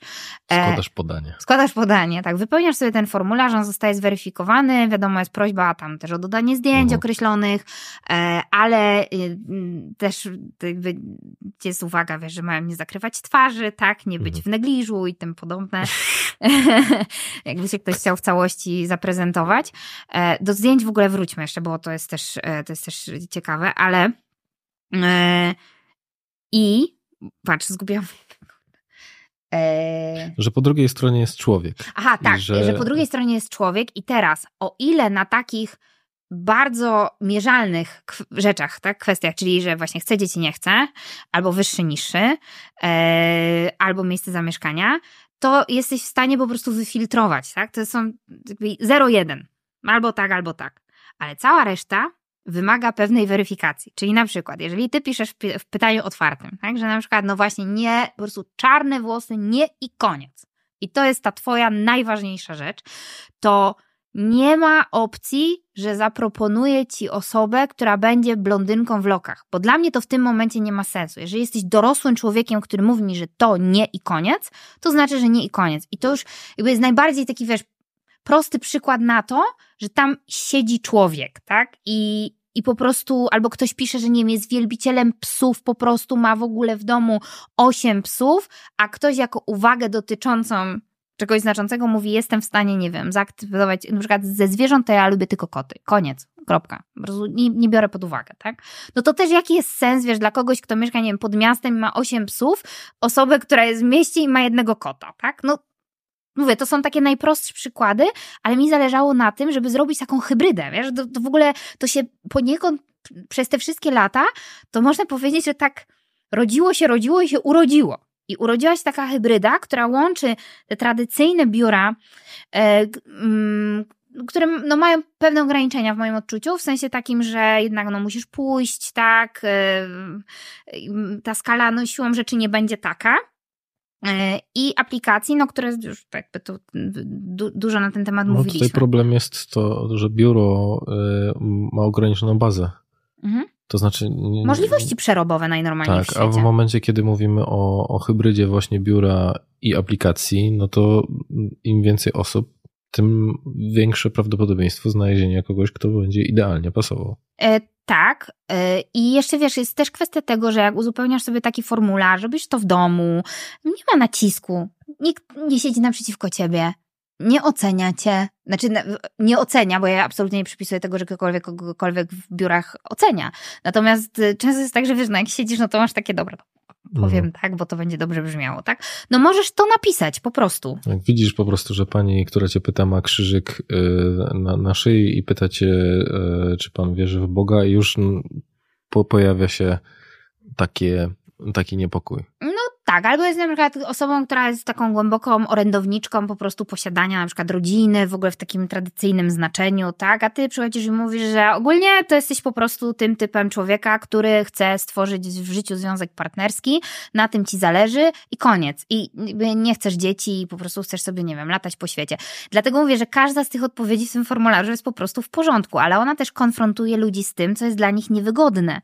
I o co często nie zapytają sami, no bo wiesz, no to tak trochę... A poza tym nie myśli się czasami o, tych, o tym, że ja mam zapytać o jakąś rzecz, tylko ona wyjdzie i, y, I no, wybuchnie zonka. w twarz po prostu w najmniej odpowiednim momencie. Mhm. No i teraz albo wiesz, na pierwszej randce masz właśnie tak, że przeprowadzasz rozmowę rekrutacyjną, a tutaj jest ten luz, że to już ktoś zrobił za ciebie. Już sprawdził te wszystkie kwestie i okej, okay. i teraz jak wy jesteście sobie przedstawieni, to wiesz, że idąc możecie sobie wcześniej porozmawiać, bo jest też czat. Jak, jak już się przedstawicie sobie, tak? Mhm. I powiecie, ok, ja chcę się z nią spotkać, ja, czy tam ja chciałbym ją poznać, ja chciałabym jego poznać, no to w tym momencie otwiera się czat i możecie sobie porozmawiać. No i generalnie hmm, do świata, tak? Po mhm. prostu pójść się, e, pójść się spotkać. Może nie wyjść? Może. No wtedy te no jest jakiś de deadline na to, żeby, Myślę żeby nad tym, wiesz. Generalnie się... y, z jednej strony są we mnie dwa wilki. Jeden twierdzi, że ludzie są dorośli i sobie poradzą sami. I to też mówi o tym, jakie oni mają podejście, jeśli dążą do tego spotkania dosyć szybko. Bo myślę sobie, że też, wiesz, mogą być takie kwestie, no ktoś kurde wyleciał gdzieś na pięć dni, wiesz, nie, nie otworzył, nie odczytał, no i teraz co go tam puszować. Myślę, że chciałam wprowadzić taki limit, ale pomyślałam sobie, że ludzie są dorośli i ja wierzę w to, że to jest miejsce, w którym będą właśnie osoby, które mają po prostu takie podejście, wiesz, no, jakby traktujmy się serio, nie? To nie chodzi o to, że mamy już tu prawda, razem współpracę z salonem sukien ślubnych i smokingów, tylko po prostu jak już wiesz, ponoszę jakieś nakłady i, i, i wypełniam to wszystko, i podejmuję te, działa te, działania, no to też zakładam, że mam po prostu, że, że jakby zachowuję się, e, się odpowiedzialnie. I między innymi tak jest właśnie z tymi zdjęciami. Jeszcze, bo było też takie, wiesz, jak zrobiłam pytania na temat, e, na temat biura, to e, było, dlaczego w ogóle nie będzie tutaj po prostu na przykład zdjęć całej sylwetki? Mhm. A ja powiedziałam, że będą tylko zdjęcia portretowe. No nie dam sobie ręki obciąć, że tak będzie zawsze, ale uważam, że to jest sensowne, że widzisz to, co jest tak de facto ważne, tak? Widzisz twarz. No bo ogólnie jak patrzymy na człowieka, no to, to, to, to pierwsze, na co zwracamy uwagę, no to jest jego twarz w ogóle. E, I teraz, jeżeli zaznaczam sobie właśnie w tym kwestionariuszu, że dla mnie piszę, tak? Że dla mnie na przykład w tym wyglądzie ma coś tak kluczowe znaczenie, to to będzie uwzględnione. Ale ja nie chcę właśnie, tak jak mówiłeś, o tej hiperszczegółowości sytuacji, w której ktoś będzie oceniany na podstawie, nie wiem, spodni, jakie ma na sobie, zało- bo założył po prostu taki brzydki kolor jeansów do zdjęcia wiocha. Bez sensu, tak? Albo, nie wiem, tak się ustawiła w tej sukience, że jakby jakąś fałdkę miała.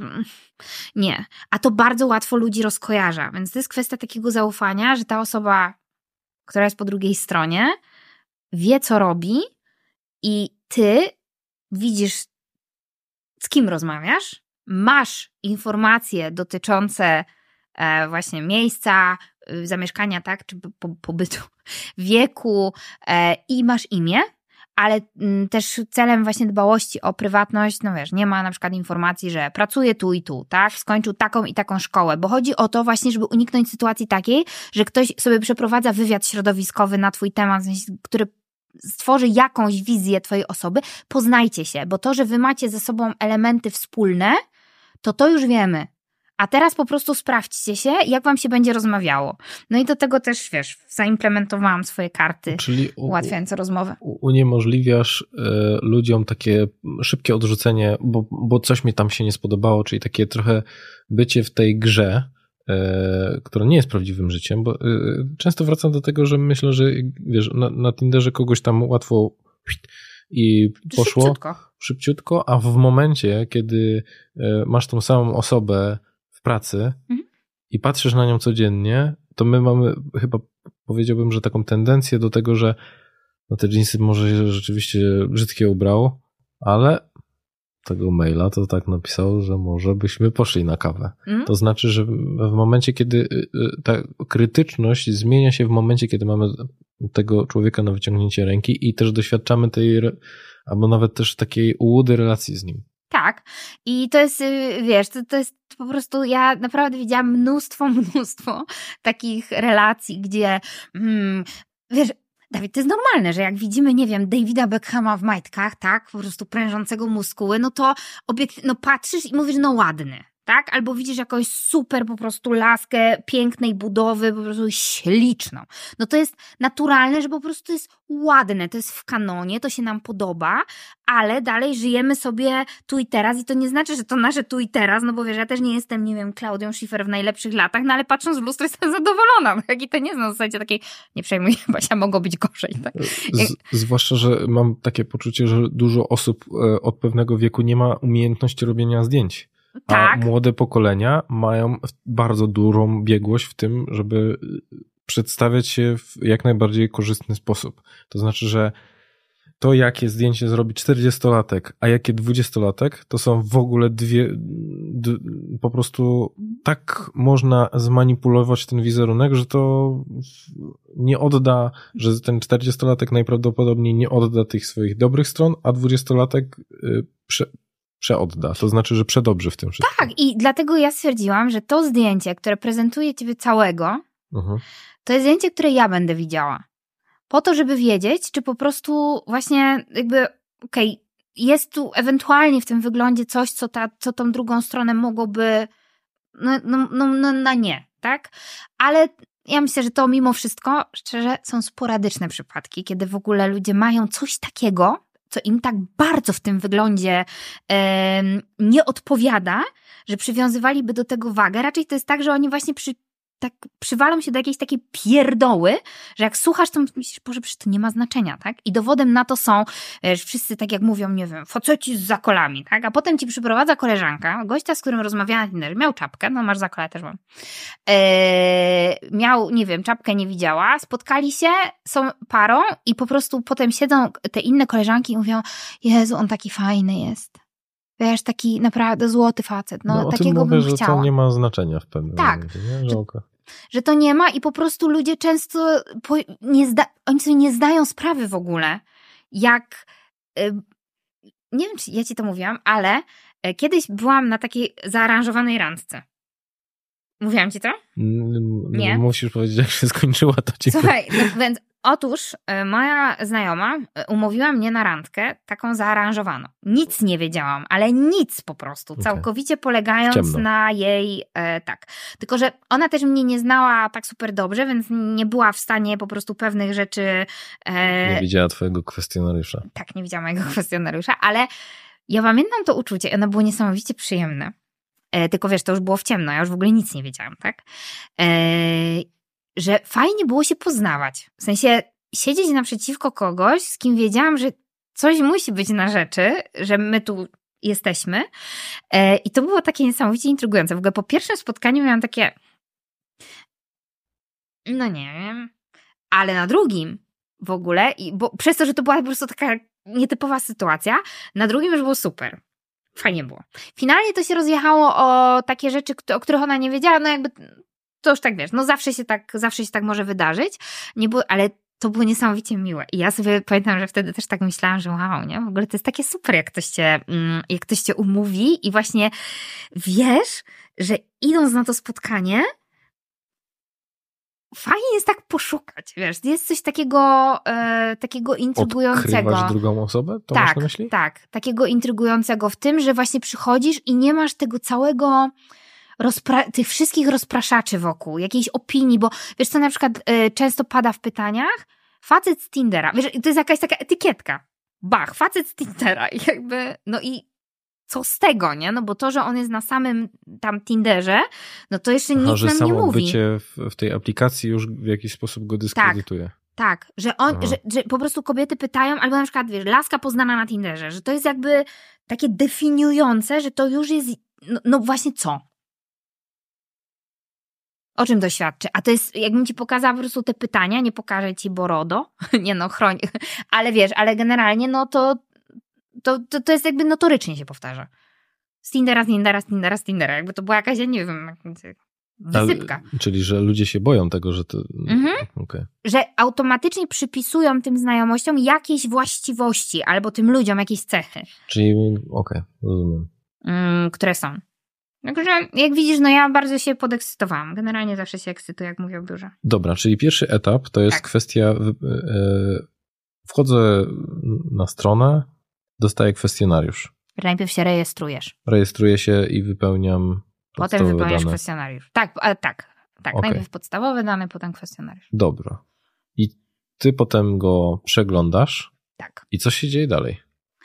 E, no w ogóle sam proces przeglądania jest taki, że wiesz, to wszystko trzeba przeczytać. Właśnie pomyślałem, że to musi być będzie ciężkie. To znaczy, mm. że kurczę, tyle tych kwestionariuszy, mm. bo domyślam się, że część, tak jak mówiłaś, jest na zasadzie trochę takiego, no, od, czy odsiania, no, takiego dopasowania na zasadzie zamk pytań zamkniętych, co trochę zawęża, a potem pytania otwarte i pewnie no, też w jakoś ta holistyczne spojrzenie na w ogóle te, tak, te, te odpowiedzi, no, to, mhm. to, jest to, w jaki sposób ty dopasowujesz ludzi. Mhm. I no i co, co dalej, tak? Że ja, ja po prostu przychodzę do ciebie, tam ściągam tą aplikację, czy to będzie przez stronę? Będzie Wiesz co, ja bym aplikacja? tego nie nazwała, właśnie nie chciałabym tego nazwać aplikacją. W ogóle, jak właśnie ktoś mnie zapytał, czemu nie aplikacja? Ja mówię, to jest aplikacja. Bo, bo, bo, szanuję, bo szanuję czas tych ludzi.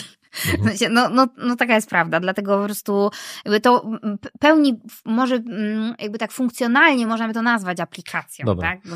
Dziękuję za to, bo jak miałbym ściągać kolejną aplikację, jak już kupuję karmę dla psa i mam ściągnąć aplikację, mm. że, że, że, żeby dochodziła, to, to, to już po prostu jest absurd. Ale no. dobra, czyli wchodzę na stronę, wypełniam kwestionariusz. Tak. Y, no i mówię, Baśka do dzieła. Tak, i to jest generalnie tak, że możesz y, pozostać przy tym pierwszym y, etapie, czyli wypełnienia kwestionariusza, zarejestrowania w bazie, kiedy Twój profil jest przedstawiany, jeśli zostanie dopasowany do osoby, która sobie ten profil zupgrade'owała. Mhm. Tak? Czyli przyszła i powiedziała, proszę mi tu szukać. Jestem priorytetem. Pierwsza część jest taką pasywnym czekaniem.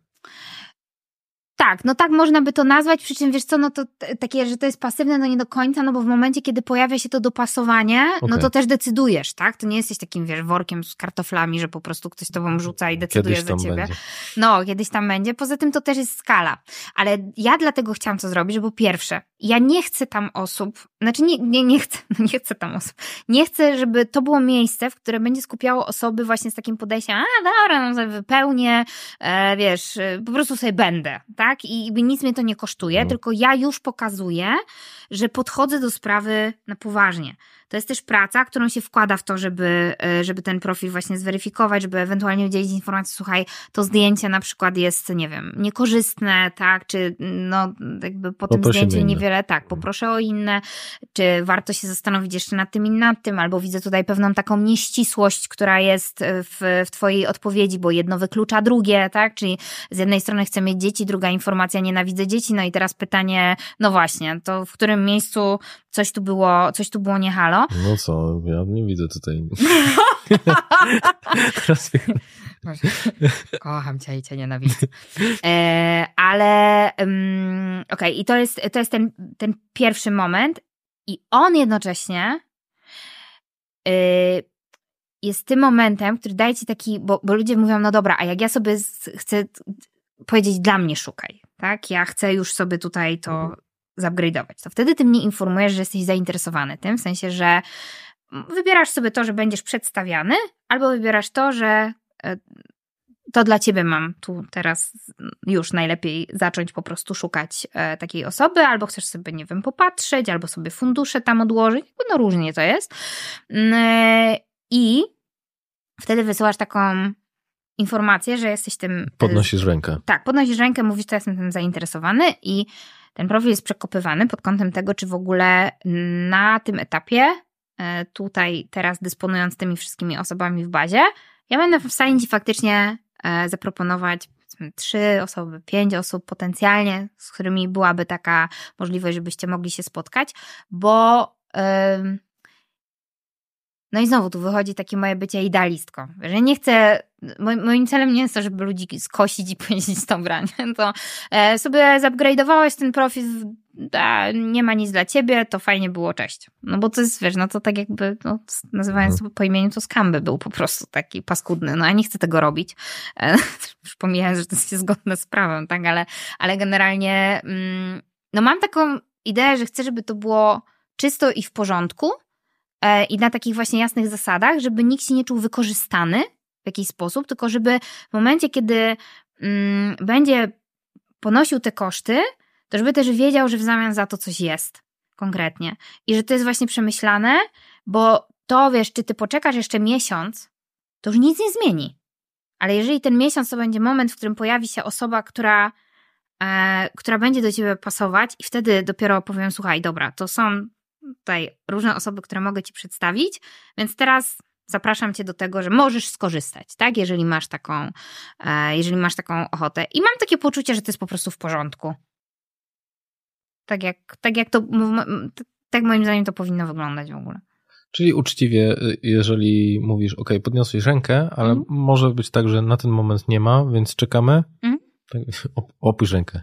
Mhm. E, i, i, I, wrócimy do tego w momencie, kiedy, kiedy będzie kandydat albo kandydatka. A jednocześnie weź pod uwagę, że jeżeli w tym samym czasie się pojawi osoba, dla której ty będziesz jednym z dopasowań, dopasowań to wy też możecie się spotkać. Dobra. Więc to nie jest tak, że ty siedzisz po prostu nic, nic nie robisz, nie nic się nie dzieje. Mhm. Tylko, że tam po prostu po drugiej stronie, no to jest kwestia wiesz, dopasowania. Ludzie się strasznie martwią matematyką. W ogóle zauważam, że oni się tak bardzo martwią za mnie, że to jest aż niebywałe, wiesz? Uczciwie zwracają uwagę na to, co powinnaś wziąć pod uwagę jeszcze, nie? Tak. No. Dobra, i okay. czyli wypełniłem, podniosłem rękę, tak się składa, że ktoś tam jest. Tak. Yy, I co wtedy? I wtedy wasze profile są sobie prezentowane. No i podejmujecie decyzję, czy macie e, ochotę ze sobą porozmawiać. No Aha, teraz... czyli jeszcze mogę się wycofać. Słuchaj, zawsze możesz. Aha. W każdej chwili możesz się wycofać i przecież możesz powiedzieć, bo były też takie pytania, ale to będę musiała z kimś rozmawiać? No to nie musisz. Y, ale to realnie mi się pojawiła taka obawa. To że znaczy, że... z kimś rozmawiać? Tak, że, y, że ja będę zobowiązany do tego, żeby z kimś rozmawiać i to jest trochę na takiej zasadzie, że wiesz, jak ci na weselu usadzą koło, koło ludzi, których, których nawet nie znasz albo może nawet nie lubisz i że no dobra, to pogadajmy. Mhm. Okej. Okay. E, nie, nie musisz, natomiast ja do tego zachęcam, w sensie takim, że no widzisz to zdjęcie. I ja zakładam, że to jest wtedy tak, że po prostu, ponieważ w profilu jest absolutne minimum e, informacji związanych właśnie, tam nie ma informacji o tym, czy dzieci, czy wiara, czy nie ma, to są informacje dla mnie i to jest też jasno zaznaczone w formularzu, że spora część, przeważająca część tych odpowiedzi jest widoczna tylko dla mnie.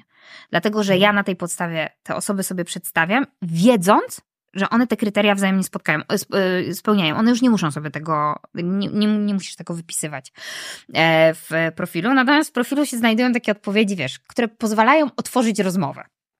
E, na takie pytania, które są po prostu takie krótkie, wymagają jakiegoś krótkiego dokończenia i po prostu na tej podstawie myślę, że też łatwiej będzie ludziom po prostu tą rozmowę zacząć. Ja też nie ukrywam, że do tego wykorzystałam pytania ze swoich kart, które właśnie e, tak, wiesz, pozwalają trochę łatwiej wejść niż i zdjąć tą presję. Hej. Mhm. Hej, co tam? Hej, co tam? No w porządku, a u ciebie? No to też spoko. Że myślę, że to są w ogóle, Dawid, to są inne warunki, bo jak sobie wyobrazisz, że jesteś jednym z tysiąca osób, gdzie już, gdzie pomimo tego, że ty tutaj jesteś teraz i my możemy rozmawiać, to być może jeszcze jest 15 innych osób, z którymi ta osoba rozmawia i jeszcze po prostu setka, którą jednocześnie może mm. przeglądać, to jesteś jak taki towar, wiesz, jak taki smutny jogurt ja na zawsze... półce, który chce być wybrany, tak?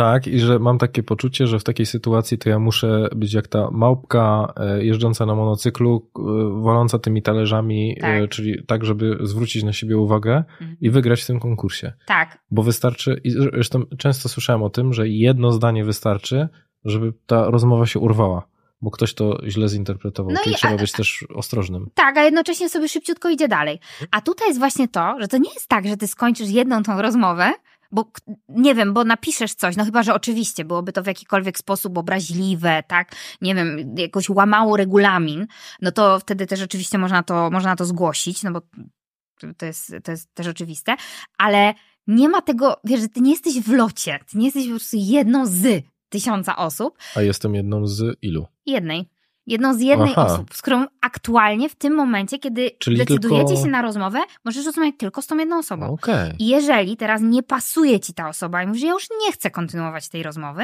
to okej, okay, masz prawo zrezygnować, no bo nikt cię tam nie, na siłę nie trzyma. Udzielasz informacji dlaczego, no i teraz być może jak będziesz musiał udzielić informacji dlaczego i powiesz, bo zrobił, bo napisał który przez otwarte. Dramat to przekreśla nasze szanse na wspólną przyszłość, e, no to się też człowiek zastanowi, tak, co w zasadzie na jakiej podstawie podejmuje decyzje, bo dzisiaj te decyzje są bardzo szybkie, a ja chciałam, żeby się ludzie zastanowili, spowolnili. Tak jak my tu dzisiaj siedzimy we dwójkę i zobacz, jaki jest spokój, tak? Po prostu rozmawiamy i dokładnie... No to jest cicho. I dokładnie o to mi chodziło, żeby tym całym chaosie i w tym szumie, gdzie ludzie są po prostu jak takie wrzuconi, wrzuceni po prostu taką wirówkę, żeby ich uspokoić, wyciągnąć z tego i powiedzieć, słuchajcie, tu jest miejsce, w którym możecie usiąść i porozmawiać. I mało tego, macie po drugiej stronie osobę, z którą was coś łączy, macie pomocy do tego, żeby zacząć ułatwiam wam to, żeby wyjść, tak jak my dzisiaj mamy temat rozmowy, tam też możesz sobie jakoś nadać jej pewien, e, pewien kierunek. E, I jeżeli powiesz nie, nie chcę, bo coś mi nie odpowiada, albo spotkaliśmy się i E, no i nie jest nam po drodze i do widzenia, no to okej, okay, ja to przyjmuję oczywiście, no i rzecz dzieje się dalej, tak? Czyli to nie jest, że wyczerpałeś limit, koniec do widzenia, tak? To była tylko ta jedna osoba i out. Ale nie wiem, czy też tak masz, ale ja za każdym razem, jak o tym yy, mówię, to czuję taki, wiesz, taki spokój na myśl o tym, że może być miejsce, w którym ludzie mogliby po prostu właśnie się skoncentrować intencjonalnie porozmawiać z, z jednej strony z takim trochę spokojem, ze ściągnięciem tych, spokojem ze względu na to, że trochę wiemy, po co tu jesteśmy, mhm. że nie musimy się dowiadywać, czy ma obrączkę, nie ma obrączki, mhm. jeżeli byśmy się poznali w barze, a z drugiej strony y, w kontekście tego, że ktoś już za nas zrobił tę pracę, mhm. że wierzymy, że no my jesteśmy naprawdę, do, mamy, mamy powody, żeby sądzić, że my się dogadamy. Mhm. I z drugiej strony, ja się nie muszę ścigać, że z, y, trochę tak, że brzydko tańczę, więc zaraz podejdzie lepszy tancerz. Mhm. Że tak, u, użyję takiego. Nie ma e, tego konkursu. Mhm. Wiesz, a to jest na przykład, no słuchaj, są osoby, które wykonują takie zawody, nie wiem, określone, tak, albo w ogóle mają mm, i na przykład nie mogą. Po prostu z przyczyn takich czysto formalnych, no nie mogą gdzieś tam się pojawiać, bo i całkowicie to rozumiem, na przykład, no nie wiem, jakiś tam specyficzni lekarze nie chcieliby na przykład trafiać na swoich y, pacjentów, tak? Mhm. Mogłoby tak być. Albo, że jesteś osobą publiczną, funkcjonującą gdzieś tam w przestrzeni, no, no kiepsko, tak? Ale przede wszystkim też y, zależało mi, wiesz co, na tym, żeby ludzie przestali się czuć jak przedmioty. Po prostu, bo ja uważam, że jest mnóstwo osób, że nawet jak ludzie piszą do mnie wiadomości, to że jak czytasz tą wiadomość, to masz po drugiej stronie człowieka. Po prostu. I on pisze normalnie. I tam jestem Marysia, robię to i to, w ogóle super się cieszę na otwarcie tego biura, bo w ogóle wiesz, chciałabym kogoś poznać i czuję, że to Marysia do ciebie pisze. Czytasz to, tak? Albo wysyła do mnie po naszej, po naszej rozmowie, dużo miałam maili, pamiętasz, moje biuro obsługi klienta, bo to był jedyny mail e, taki dostępny ogólnie na stronie co się stało w ogóle, bo dużo maili wpłynęło, no i one wszystkie oczywiście były tam do mnie e, przekazywane, ale właśnie z mm. zapytaniem o biuro. Jak już ktoś chciał e, napisać więcej, no to z reguły pisał na mojego bezpośredniego maila i to takie trochę były takie mini e, anonsy, ale też bardzo miłe wiadomości. I ja sobie myślałam, kurde, gdyby te wszystkie laski, które obserwują mój profil, wiedziały, że tacy mężczyźni piszą, i ja nie mówię o tym, że to są modele. To są mężczyźni, na których ja patrzyłam, bo nierzadko tam były ci też normalni zdjęcia. faceci. Tak, ci normalni faceci. Ci, które, z którymi jak się spotka twoja koleżanka, to powiesz, o, tato miała szczęście po prostu. No patrz, no. Mm. Jak to się, wiesz, jak, jak to się udało, to ja czuję, że ludzie, że jest duża grupa, znaczy ja raczej boję się tego, że mm, będzie szał ciał po prostu na, wiesz, w dniu, w dniu otwarcia, ale że jest duża grupa ludzi, która jest zmęczona i która chce takiego takiego normalnego podejścia, wiesz, po prostu poczuć się jak człowiek, jak podmiot, nie jak przedmiot. I też delegować odpowiedzialność do psychologa, który może cię y, który nie potraktuje, jak wiesz, y, tych odpowiedzi od tak, że po prostu przejdzie, przejrzymy ten kwestionariusz i sztuczna inteligencja to porówna, y, przepuścimy to przez chat GPT i coś z tego wyjdzie. Mhm. Więc chyba to by mnie bardziej też uspokajało, a y, no właśnie, bo często gdzieś tam na Instagramie wspominałeś o tej obawie dotyczącą, że czy mężczyzn nie będzie wystarczająco. Mhm. Ja, ja chyba nie chcę nawet zadawać tego pytania, no bo domyślam się, że, że, że nie. Czy, czy co? Czy chcesz, no skomentujmy to. Czy, no czy jak są uważasz faceci... w ogóle? Jak uważasz? Bo tak jakbyś miał sobie porównać, no znasz statystyki. E... Ja, ja bym powiedział, że faceci po prostu czekają na to, żeby już e, zacząć działać, ściągnąć coś, w, czy, czyli że są bardziej skoncentrowani na zadaniowości, mm. A nie na wątpliwościach, które mogłyby się z tym, że, że kobiety mają wątpliwości, a faceci po prostu się nie pytają, tylko mówią, gdzie kliknąć. Mm. Wiesz co, y, kobiety w ogóle często mają takie, że one się strasznie przejmują w ogóle wszystkim i ja myślę sobie, że to też jest taka cecha, która y, często utrudnia w ogóle wejście w relacje e, kobietom, e, w sensie takim, że one y, szukają problemu. Mm, I to jest takie właśnie, nie będzie tych mężczyzn, bo oni się będą wstydzić, bo oni nie będą chcieli, bo, e, bo mają przecież inne aplikacje, z których mogą korzystać, bo w ogóle komu by się chciało uzupełniać ten formularz, tralalalala, tak? A po drugiej stronie właśnie mamy, e, mamy mężczyzn, którzy mówią super, bo to jest trochę tak, jakbyś podszedł, poszedł do osoby znanej ci, powiedzmy, no bo powiedzmy, że osoby, które mnie obserwują albo które gdzieś tam nawet będą słuchały tej rozmowy, no można powiedzieć, że nie jestem im do końca już obca, tak? No bo mają jakieś pojęcia o tym, jakie Kim mam jesteś?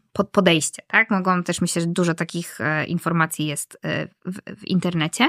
I to jest tak jak wiesz, jak takie podejście, powiedzenie, słuchaj, chcę kogoś poznać, czy znasz kogoś, z kim mogłabym, czy mógłbym tak, się spotkać. I paradoksalnie uważam, że dla mężczyzn ogromną wartością jest właśnie to, że nie będą jednymi z wielu. Bo jeżeli stanowisz, jesteś w 78% użytkowników e, jednego miejsca i właśnie bierzesz udział w tym, to ja wiesz co, ja się nie dziwię, że, że pojawia się to takie, taka frustracja i takie wkurzenie, bo, e, bo no, jak inaczej w sumie się czuć w takim momencie, kiedy no. masz poczucie, że po prostu no, no co ze mną? No przecież jakby wszystko jest okej, okay, no to dlaczego, e, dlaczego mnie nie ma? No dlatego, że algorytm tak chce, tak? Dlatego, że nie wiem, nie wpisujesz się w jakieś tam kryterium, które było założone, dlatego, że nie boostujesz tego, e, że nie boostujesz tego profilu, że go tam nie, nie, nie dotankowujesz, dlatego, że ktoś się po prostu rozprasza, dlatego, że dla części to jest gra, dlatego, że po prostu ktoś jest w związku, no jakby zobacz, ile może być w ogóle powodów, dla których po prostu odpadasz. No, mnie by uspokajało najbardziej to, że mam świadomość, że po drugiej stronie jest osoba, która y, już włożyła dużo wysiłku i jakiś podjęła się zobowiązań do tego, żeby powiedzieć: OK, ja podchodzę do tego poważnie. Mhm. Bo wracam, y, ja tak będę się posługiwał czasami takim y, odniesieniem do biznesu. To znaczy, mhm. że jest jedna firma konsultingowa, która ma bardzo długi proces rekrutacyjny. Mhm on jest, trwa najczęściej 3 do 6 miesięcy. Tam są nawet coachingi przygotowujące ludzi do tego, jak się przygotować do tych rozmów. No i ogólnie jest, jednej, ona jest jedną z lepszych i dużo osób mówi, mm, no, 3 do 6 miesięcy, żeby zmienić pracę, no to czy, to czy to nie jest przesada? Ale co ciekawe, to jest to, że e, ludzie, którzy tam już są, w ogóle najpierw się zastanawiam, czy ja tam chcę pracować, mhm bo to będzie dużo mnie wysiłku kosztowało, a z drugiej strony w momencie, kiedy już podejmują się tego, to już rzeczywiście podchodzą do tej pracy naprawdę poważnie mhm. i ta e, długość e, życia pracownika, to znaczy w sensie w tej firmie, jest stosunkowo e, no, konkurencyjna na rynku pracy. To znaczy, że w momencie, kiedy my już naprawdę powiemy sobie, że ten wysiłek, który wkładamy w to, żeby coś osiągnąć, w ogóle powoduje większy poziom, poziom szczęścia, bo jak coś przychodzi nam łatwo, to mówimy łatwo przyszło, łatwo poszło, pchi. Następnym razem będzie dokładnie tak samo. Był I nie, nie ma macza. Dokładnie. I niekoniecznie tak musi być, że, to, że ta sytuacja się powtórzy. A e, czyli to, co nas kosztuje wysiłek, jest dla nas no, bardziej wartościowe i mhm. przynosi e, więcej szczęścia. No. Nie, bo tak chciałam jeszcze właśnie powiedzieć, że yy, wiesz, tak a propos był macz, nie ma macza. Yy, jak ja mówiłam o tym, że tych dopasowań będzie parę, bo ile ma ich być? 100? 200? 1000? Po co ci to? Jakby poznawaj te osoby, po kolei, bo tam jest właśnie coś wspólnego, tak? I jak mm, i ludzie mają takie, wiesz, że tak, ale tam to sobie mogę wyklikać na przykład 200 par. Mam takie noi. No bo wiesz, no, no, i co z tego, nie? Myślę, że to pokłosie związane z tym, że ludzie odbierają brak par jako brak swojej, to, to znaczy, że można powiedzieć, że tak jak mówiliśmy w tym pierwszej części wywiadu, że to jest zbieranie Pokémonów. Im więcej mam Pokémonów, mm. tym jestem bardziej atrakcyjny, atrakcyjna.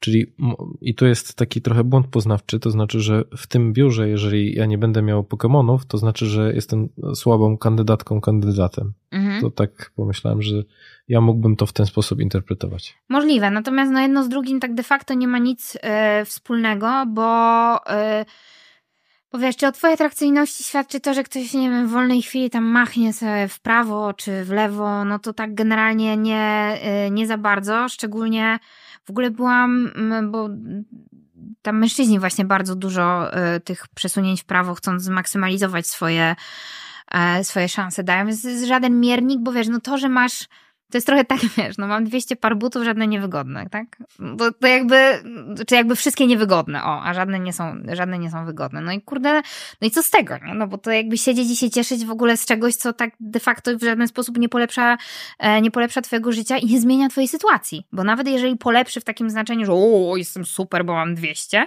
no to okej, okay, ale czy to zmieniło e, to, czy ty jesteś, nie wiem, w tej relacji, albo czy poznajesz osoby, tak? Bo to nie znaczy, że ta pierwsza osoba będzie super strzałem, ale na podstawie tej pierwszej osoby, jeśli nie będzie, no to będzie informacja zwrotna po to, żeby ten proces e, po prostu udoskonalić, tak? No jakby tutaj też już będą limity, bo ja nie chcę w ogóle doprowadzać też do takich dysproporcji, bo uważam, że to jest to chore, chociaż tutaj zasada działania jest inna, więc prawda jest taka, że nawet jakby, wiesz, było, nie wiem, po prostu nierówno 50 na 50, to i tak nic nie zmienia. Bo to jest jakby. To jest, ten dobór się odbywa na zupełnie innej zasadzie. On się odbywa po prostu na podstawie danych, które masz o drugim, e, o drugim człowieku. I ja to w ogóle, jak mówię o tym, o tym, o tym biurze, to mam takie. Hmm. że to jest takie, wiesz, bo w którymś momencie zdałam sobie sprawę z tego, że jako osoba, która zajmuje się tematyką miłości, wiesz, budowania relacji. E, nie, że mi już nie wypada po prostu powiedzieć to wyjść do ludzi. Że mam na sobie przez skalę też, na którą działam, pewien obowiązek próby rozwiązania tego problemu. Nawet Dostarczać jeżeli... rozwiązań. Tak, dostarczać rozwiązań dla części osób. I tak jak mogę dostarczać e, rozwiązania w postaci, wiesz, układania sobie w głowie przez różne boksy, czy nie wiem, ułatwiania rozmów przez karty, tak, jakieś swoje e, produkty, które wypuszczam, tak teraz stwierdziłam, że okej, okay, skoro ja to rozwiązanie chodzi mi po głowie, no to to jest też taka moja Moja odpowiedzialność, no nie wiem, ja mam trochę takie y, romantyczne podejście do swojej pracy, w sensie takim, że mi jest dobrze z tym, że ona jest misyjna. Dobrze mi z tym, że mam jakąś ideę i ona jest społecznie pożyteczna. To jest dla mnie ważne po prostu. I też, ja myślę, że to się czuje też, że jest taki drive, że po prostu chcesz to robić i, i myślę, że naj... że moment, w którym powiedziałam sobie, bo, bo było coś takiego, że była próba przerobienia tego w aplikację. I to był moment, w którym powiedziałam nie. Bo ja od początku czułam, że za tym ma stać, mają stać ludzie, bo ja nie mówię, że za tym będę stała tylko ja, no bo wiesz, jakby jak tych osób będzie 30 tysięcy w tej chwili na samym Instagramie, na, na kanale nadawczym, z którego jeszcze nie, przeczytać. jeszcze nie wszyscy, wiesz, nie wszyscy z niego korzystają, tak jest już prawie 10 tysięcy ludzi, no to, no to mówimy tutaj o ogromnej skali. Natomiast, yy, natomiast to, co sobie powiedziałam, to, że jeżeli ja tworzę jakąś metodę, według której działamy, i jest jakiś kodeks, według którego działamy, to nawet y, ja wiem, że to się rozrośnie, ja wiem, że to będzie duże. E, I, i że będą ludzie, którzy będą mieli taki sam drive.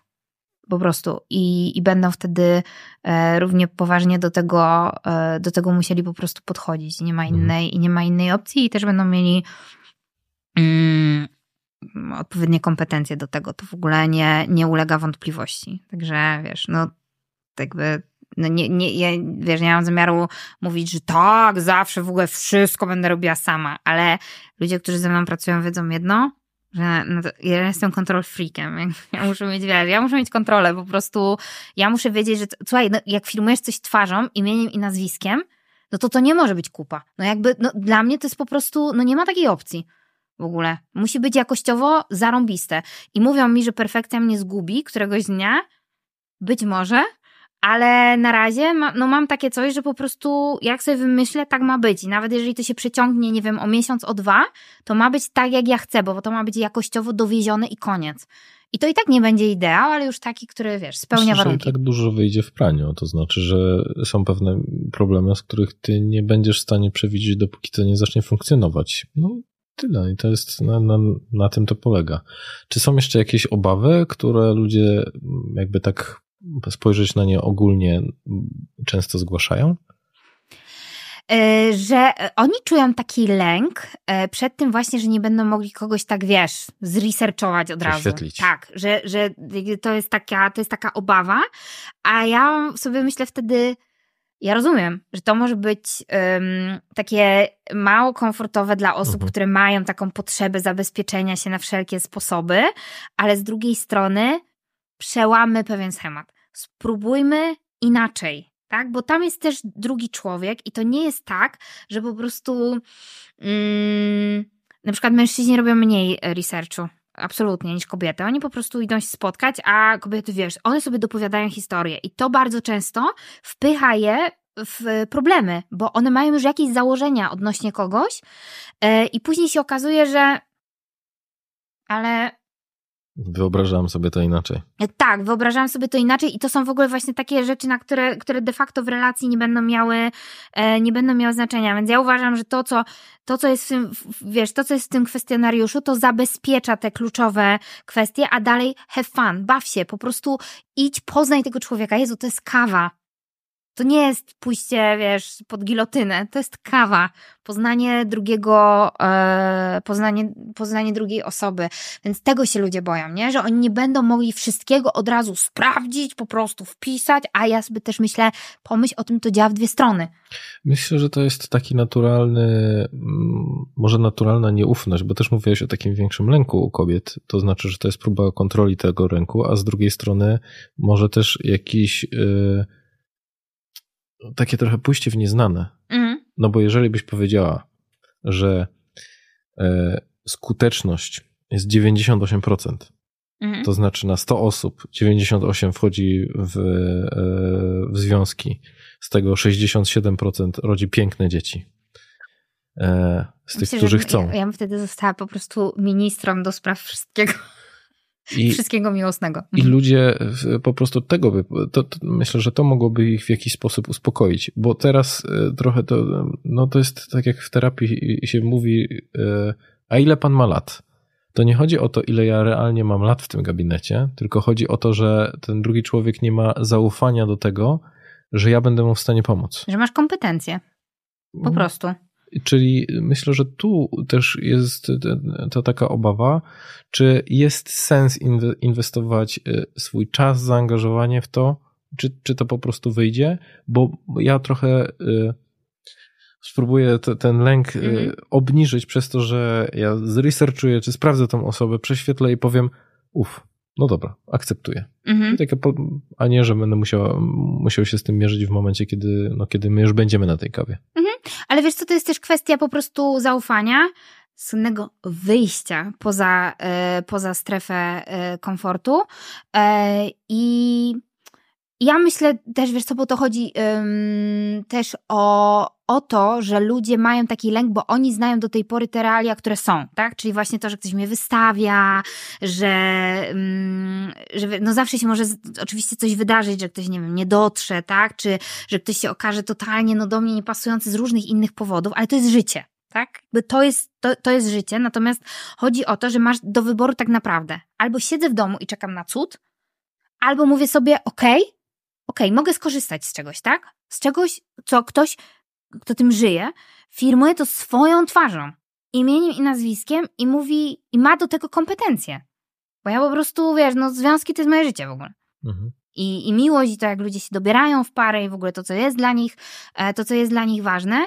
Dlatego, a z drugiej, wiesz, jeszcze z innej strony sobie myślę, że czasami, jeśli ktoś mm, mówi tak, ja bardzo bym chciała, albo bardzo bym chciał, ale no dla mnie problemem jest to, że ja nie mogę prześwietlić tej osoby, zanim, pój- zanim bym poszła, tak, na taką randkę, to pojawia się właśnie to, czy to jest na poziomie deklaracji, że ja chcę, ale jak już musiałabym coś zrobić w tym kierunku, to już wtedy nie. Bo znajdę ci milion problemów i jeśli nie, moim problemem nie będzie to, że ja nie mogę kogoś prześwietlić, to moim problemem będzie to, że na tym zdjęciu mają takie sznurówki albo napisał, który przy zło otwarte. Zawsze znajdę jakiś powód. No to wiesz, w tą stronę. To, to, to, to zawsze, może, e, zawsze może iść, więc tutaj też jest taki znak zapytania, dlaczego ktoś ten, e, to, to, to dla niego jest takie, e, takie blokujące. A jeśli chodzi o obawy, to jeszcze jest obawa ze strony mężczyzn, którzy się boją, że będzie ich więcej niż kobiet. To jest tak standardowo, nie? No, ale tutaj myślę, że panowie się absolutnie nie mają czego, czego obawiać, bo ja też zgromadziłam wokół siebie, wiesz, taką społeczność kobiet, które które właśnie niespecjalnie gustują w, w aplikacjach. One są w mniejszości, w, mhm. w, jeśli chodzi o użytkowników i użytkowniczki. Że tutaj myślę, że będzie zupełnie inny vibe. Ciekawa jestem, wiesz, jak się spotkamy za jakiś czas, jak już, e, jak już, e, że tak powiem, się biuro e, otworzy, to, to co ci powiem. No też jestem ciekaw tego, tych rezultatów. Y, chciałem też zapytać o opłaty, to znaczy jakich, jakie koszty, mm. no jakie to będą koszty? E, to, ta pierwsza opłata, e, która będzie, ta właśnie weryfikacyjna, to że, ten, mm, to, że będzie stworzony taki profil singla na podstawie preferencji, oczekiwań, tak, to, czego, to co jest dla Ciebie istotne, to, że będą ewentualnie informacje zwrotne e, i to, że ten profil będzie prezentowany innym, to będzie 500 zł. I to jest taki, to jest taki próg wejścia tutaj. A jeśli chodzi o dalsze e, kwoty, one będą pokazane na. Ja nie mówię o nich nie dlatego, że uważam, że one są, nie wiem, złe, tylko dlatego, że jesteśmy jeszcze na etapie. To nie jest MLM, że musimy się spotkać, żeby po, poznać e, te magiczne warunki współpracy. Nie, nie, nie, absolutnie nie. Bardziej chodzi o to, że po prostu, znaczy na pewno będzie to kwota za to podwyższenie profilu, to już, które wiesz, że, e, że są osoby, które mogą tobie zostać przedstawione, które mogę tobie przedstawić, e, to będzie kwota przekraczająca 1000 zł, to na pewno. O ile ona to 1000 zł przekroczy, Zobaczymy. Tak, ale nie będzie to kwota idąca w, wiesz, nie wiem, w 4 tysiące, 5 tysięcy, 8 tysięcy, tak? Okay. Absolutnie, absolutnie nie. Myślę, że to jest e, też przystępne. I oczywiście zdania były podzielone. Jedne osoby mówią, że to jest dużo e, i że w ogóle to powinno kosztować 30 zł i mam takie, wiesz, jaką wartość jesteś w stanie dowozić za 30 zł? Jakby...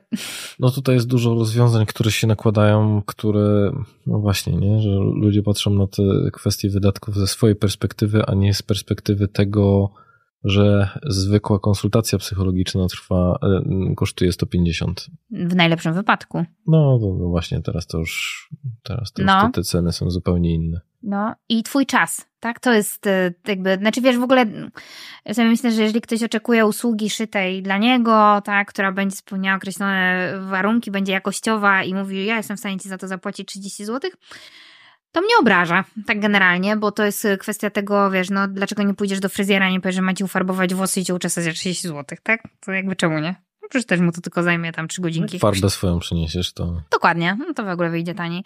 E, albo do lekarza, no panie, za co? Dam 30. Dam 30 i dam 30 i biorę, tak? E, ale nie, jakby raczej właśnie odzew był taki, że to jest spoko, bo po pierwsze to pokazuje, że traktujesz sprawy serio. serio. E, a, mm, a druga jest taka, że no właśnie, no halo, chcesz mieć jakość, no to po prostu też, e, no tam za tym muszą stać e, ludzie, tak? Mhm. Koniec. A poza tym wiesz, jak przeliczysz czas, który musisz spełnić, no właśnie, mówimy tutaj spędzić na e, i, i, koszty, tak? Bo ludzie często nie myślą o kosztach właśnie w postaci czasu to jedno, ale też e, takiego ubytku na, uszczerbku na zdrowiu, samopoczuciu, e, przekonaniach, w ogóle jakby dużo jest takich elementów, o których, jakby, których się nie wlicza w te, w te wszystkie koszty, które są. No i czycie, halo, to jakby to nie jest przymusowe. Mhm jakby ja też wiesz, nie mam w ogóle i nigdy nie miałam, jeśli chodzi o usługi czy produkty, które mam, żeby mówić przyjdźcie, przyjdźcie, przyjdźcie, bo to jest takie super. Mówię wam, Boże, jakie to jest super, jakie to jest super. Ja mam takie przekonanie, że jak coś wypuszczam, to to są produkty i usługi, które są po prostu, ja jestem o nie spokojna. Ja czuję, że one rozwiązują problem, że one odpowiadają na potrzeby, że jest grupa osób, która wyraziła tym zainteresowanie, i moim obowiązkiem na dzisiaj jest nie agitować ludzi i próbować ich do tego przekonać, bo ja wiem, że to jest dobre. Mhm. Tylko zająć się tym, co do mnie należy, czyli po prostu e, swoich obowiązków wobec tych, którzy tam, tam będą, tak? I tyle. Czy coś jeszcze jest w kontekście biura, o, o, o czym powinniśmy wspomnieć? Wiesz co, ja, ja, w ogóle bardzo dużo o nim mówię, bo dużo osób też mnie o nie, o nie pyta, wiem, dzisiaj też dużo mówiłam, ale to jest takie pytanie, wiem, no tak, oczywiście e, taką ważną kwestią jest to, że będzie otwarte 3 grudnia, e, bo bardzo chciałam, żeby było uruchomione na moje urodziny e, w październiku, ale niestety no właśnie, mówimy o perfekcji, więc... Przesunęło się. Przesunęło się, bo po prostu ja jestem bardzo dużą estetką, wiesz? I, I okazało się, że sam design, właśnie to, jakie to ma być też wizualnie dla e, użytkownika, niestety e, rozjechało się z moją taką wizją, jak to powinno wyglądać, więc to się trochę przesunęło mhm. w czasie. Ale wiesz, no to już jest to już jest, bym powiedziała, do, e, do przeżycia i tylko, i tylko dlatego. A później, a później to ci powiem tak, że był taki moment, kiedy sobie myślałam, że w takich moich najczarniejszych scenariuszach, że to będzie tak, że wiesz, ja usiądę i po prostu tam będę tak siedziała. I tam nikogo nie będzie, w ogóle nikt nie przyjdzie, nikt nie będzie chciał. Ale później dotarło do mnie, że ta skala jest tak duża, że to, na co muszę być przygotowana, to też chociażby dlatego weryfikacja tego profilu zajmuje dwa tygodnie. Mhm. No bo no liczmy siłę na zamiary, tak? To wszystko musi mieć, e, to wszystko musi mieć ręce i nogi i szybko to się muchy łapie, a Tak się mówi. Okej. Okay. Eee, to są znowu te regionalne naleciałości takie. Eee, ale y, no, no taka jest prawda, nie? Jak chcesz komuś dowieść właśnie dobrą, e, do, dobrą usługę. Nie iść na kompromisy. Jeżeli nie chcesz iść na kompromisy, to czasami to kosztuje czas. Tak. Ja myślę, że to jest dobre podsumowanie w ogóle tego, co ja robię. Ja nie w tych kwestiach, które są dla mnie ważne, a to biuro jest dla mnie, wiesz, jak dziecko. Po prostu to już tyle lat we mnie dojrzewa i ja czuję, że to jest taki moment, w którym jestem gotowa, żeby to zrobić. I też, yy, i też wiesz, mam takie poczucie, że to jest takie właśnie super, bo, bo ja już ten problem i, i samotności i właśnie tego jak, um, no że okej, okay, no niby można się umawiać na te randki, ale to nie wychodzi. Mhm. Czuję, że przychodzę z takim jest rozwiązanie, wiesz, i że to jest po prostu pożyteczne. I to jest dla mnie takie super.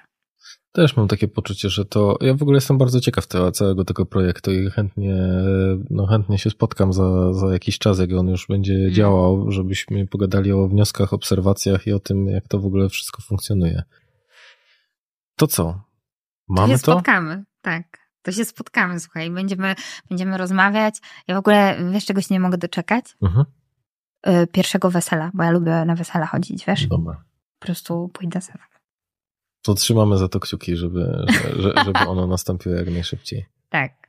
No to cóż. No i żeby ludzie chodzili na te randki, kurde, po prostu wiesz, bo to już nie chodzi o to, żeby to się wszystko kończyło ślubem, bo nie musi, ale żeby po prostu odczarować ten świat i pokazać, że można stworzyć fajne relacje, mhm. dobre mhm. relacje i żeby po prostu ludzie to poczuli, bo no bo kurde, no wiesz, dobry związek uskrzydlano, taka jest prawda.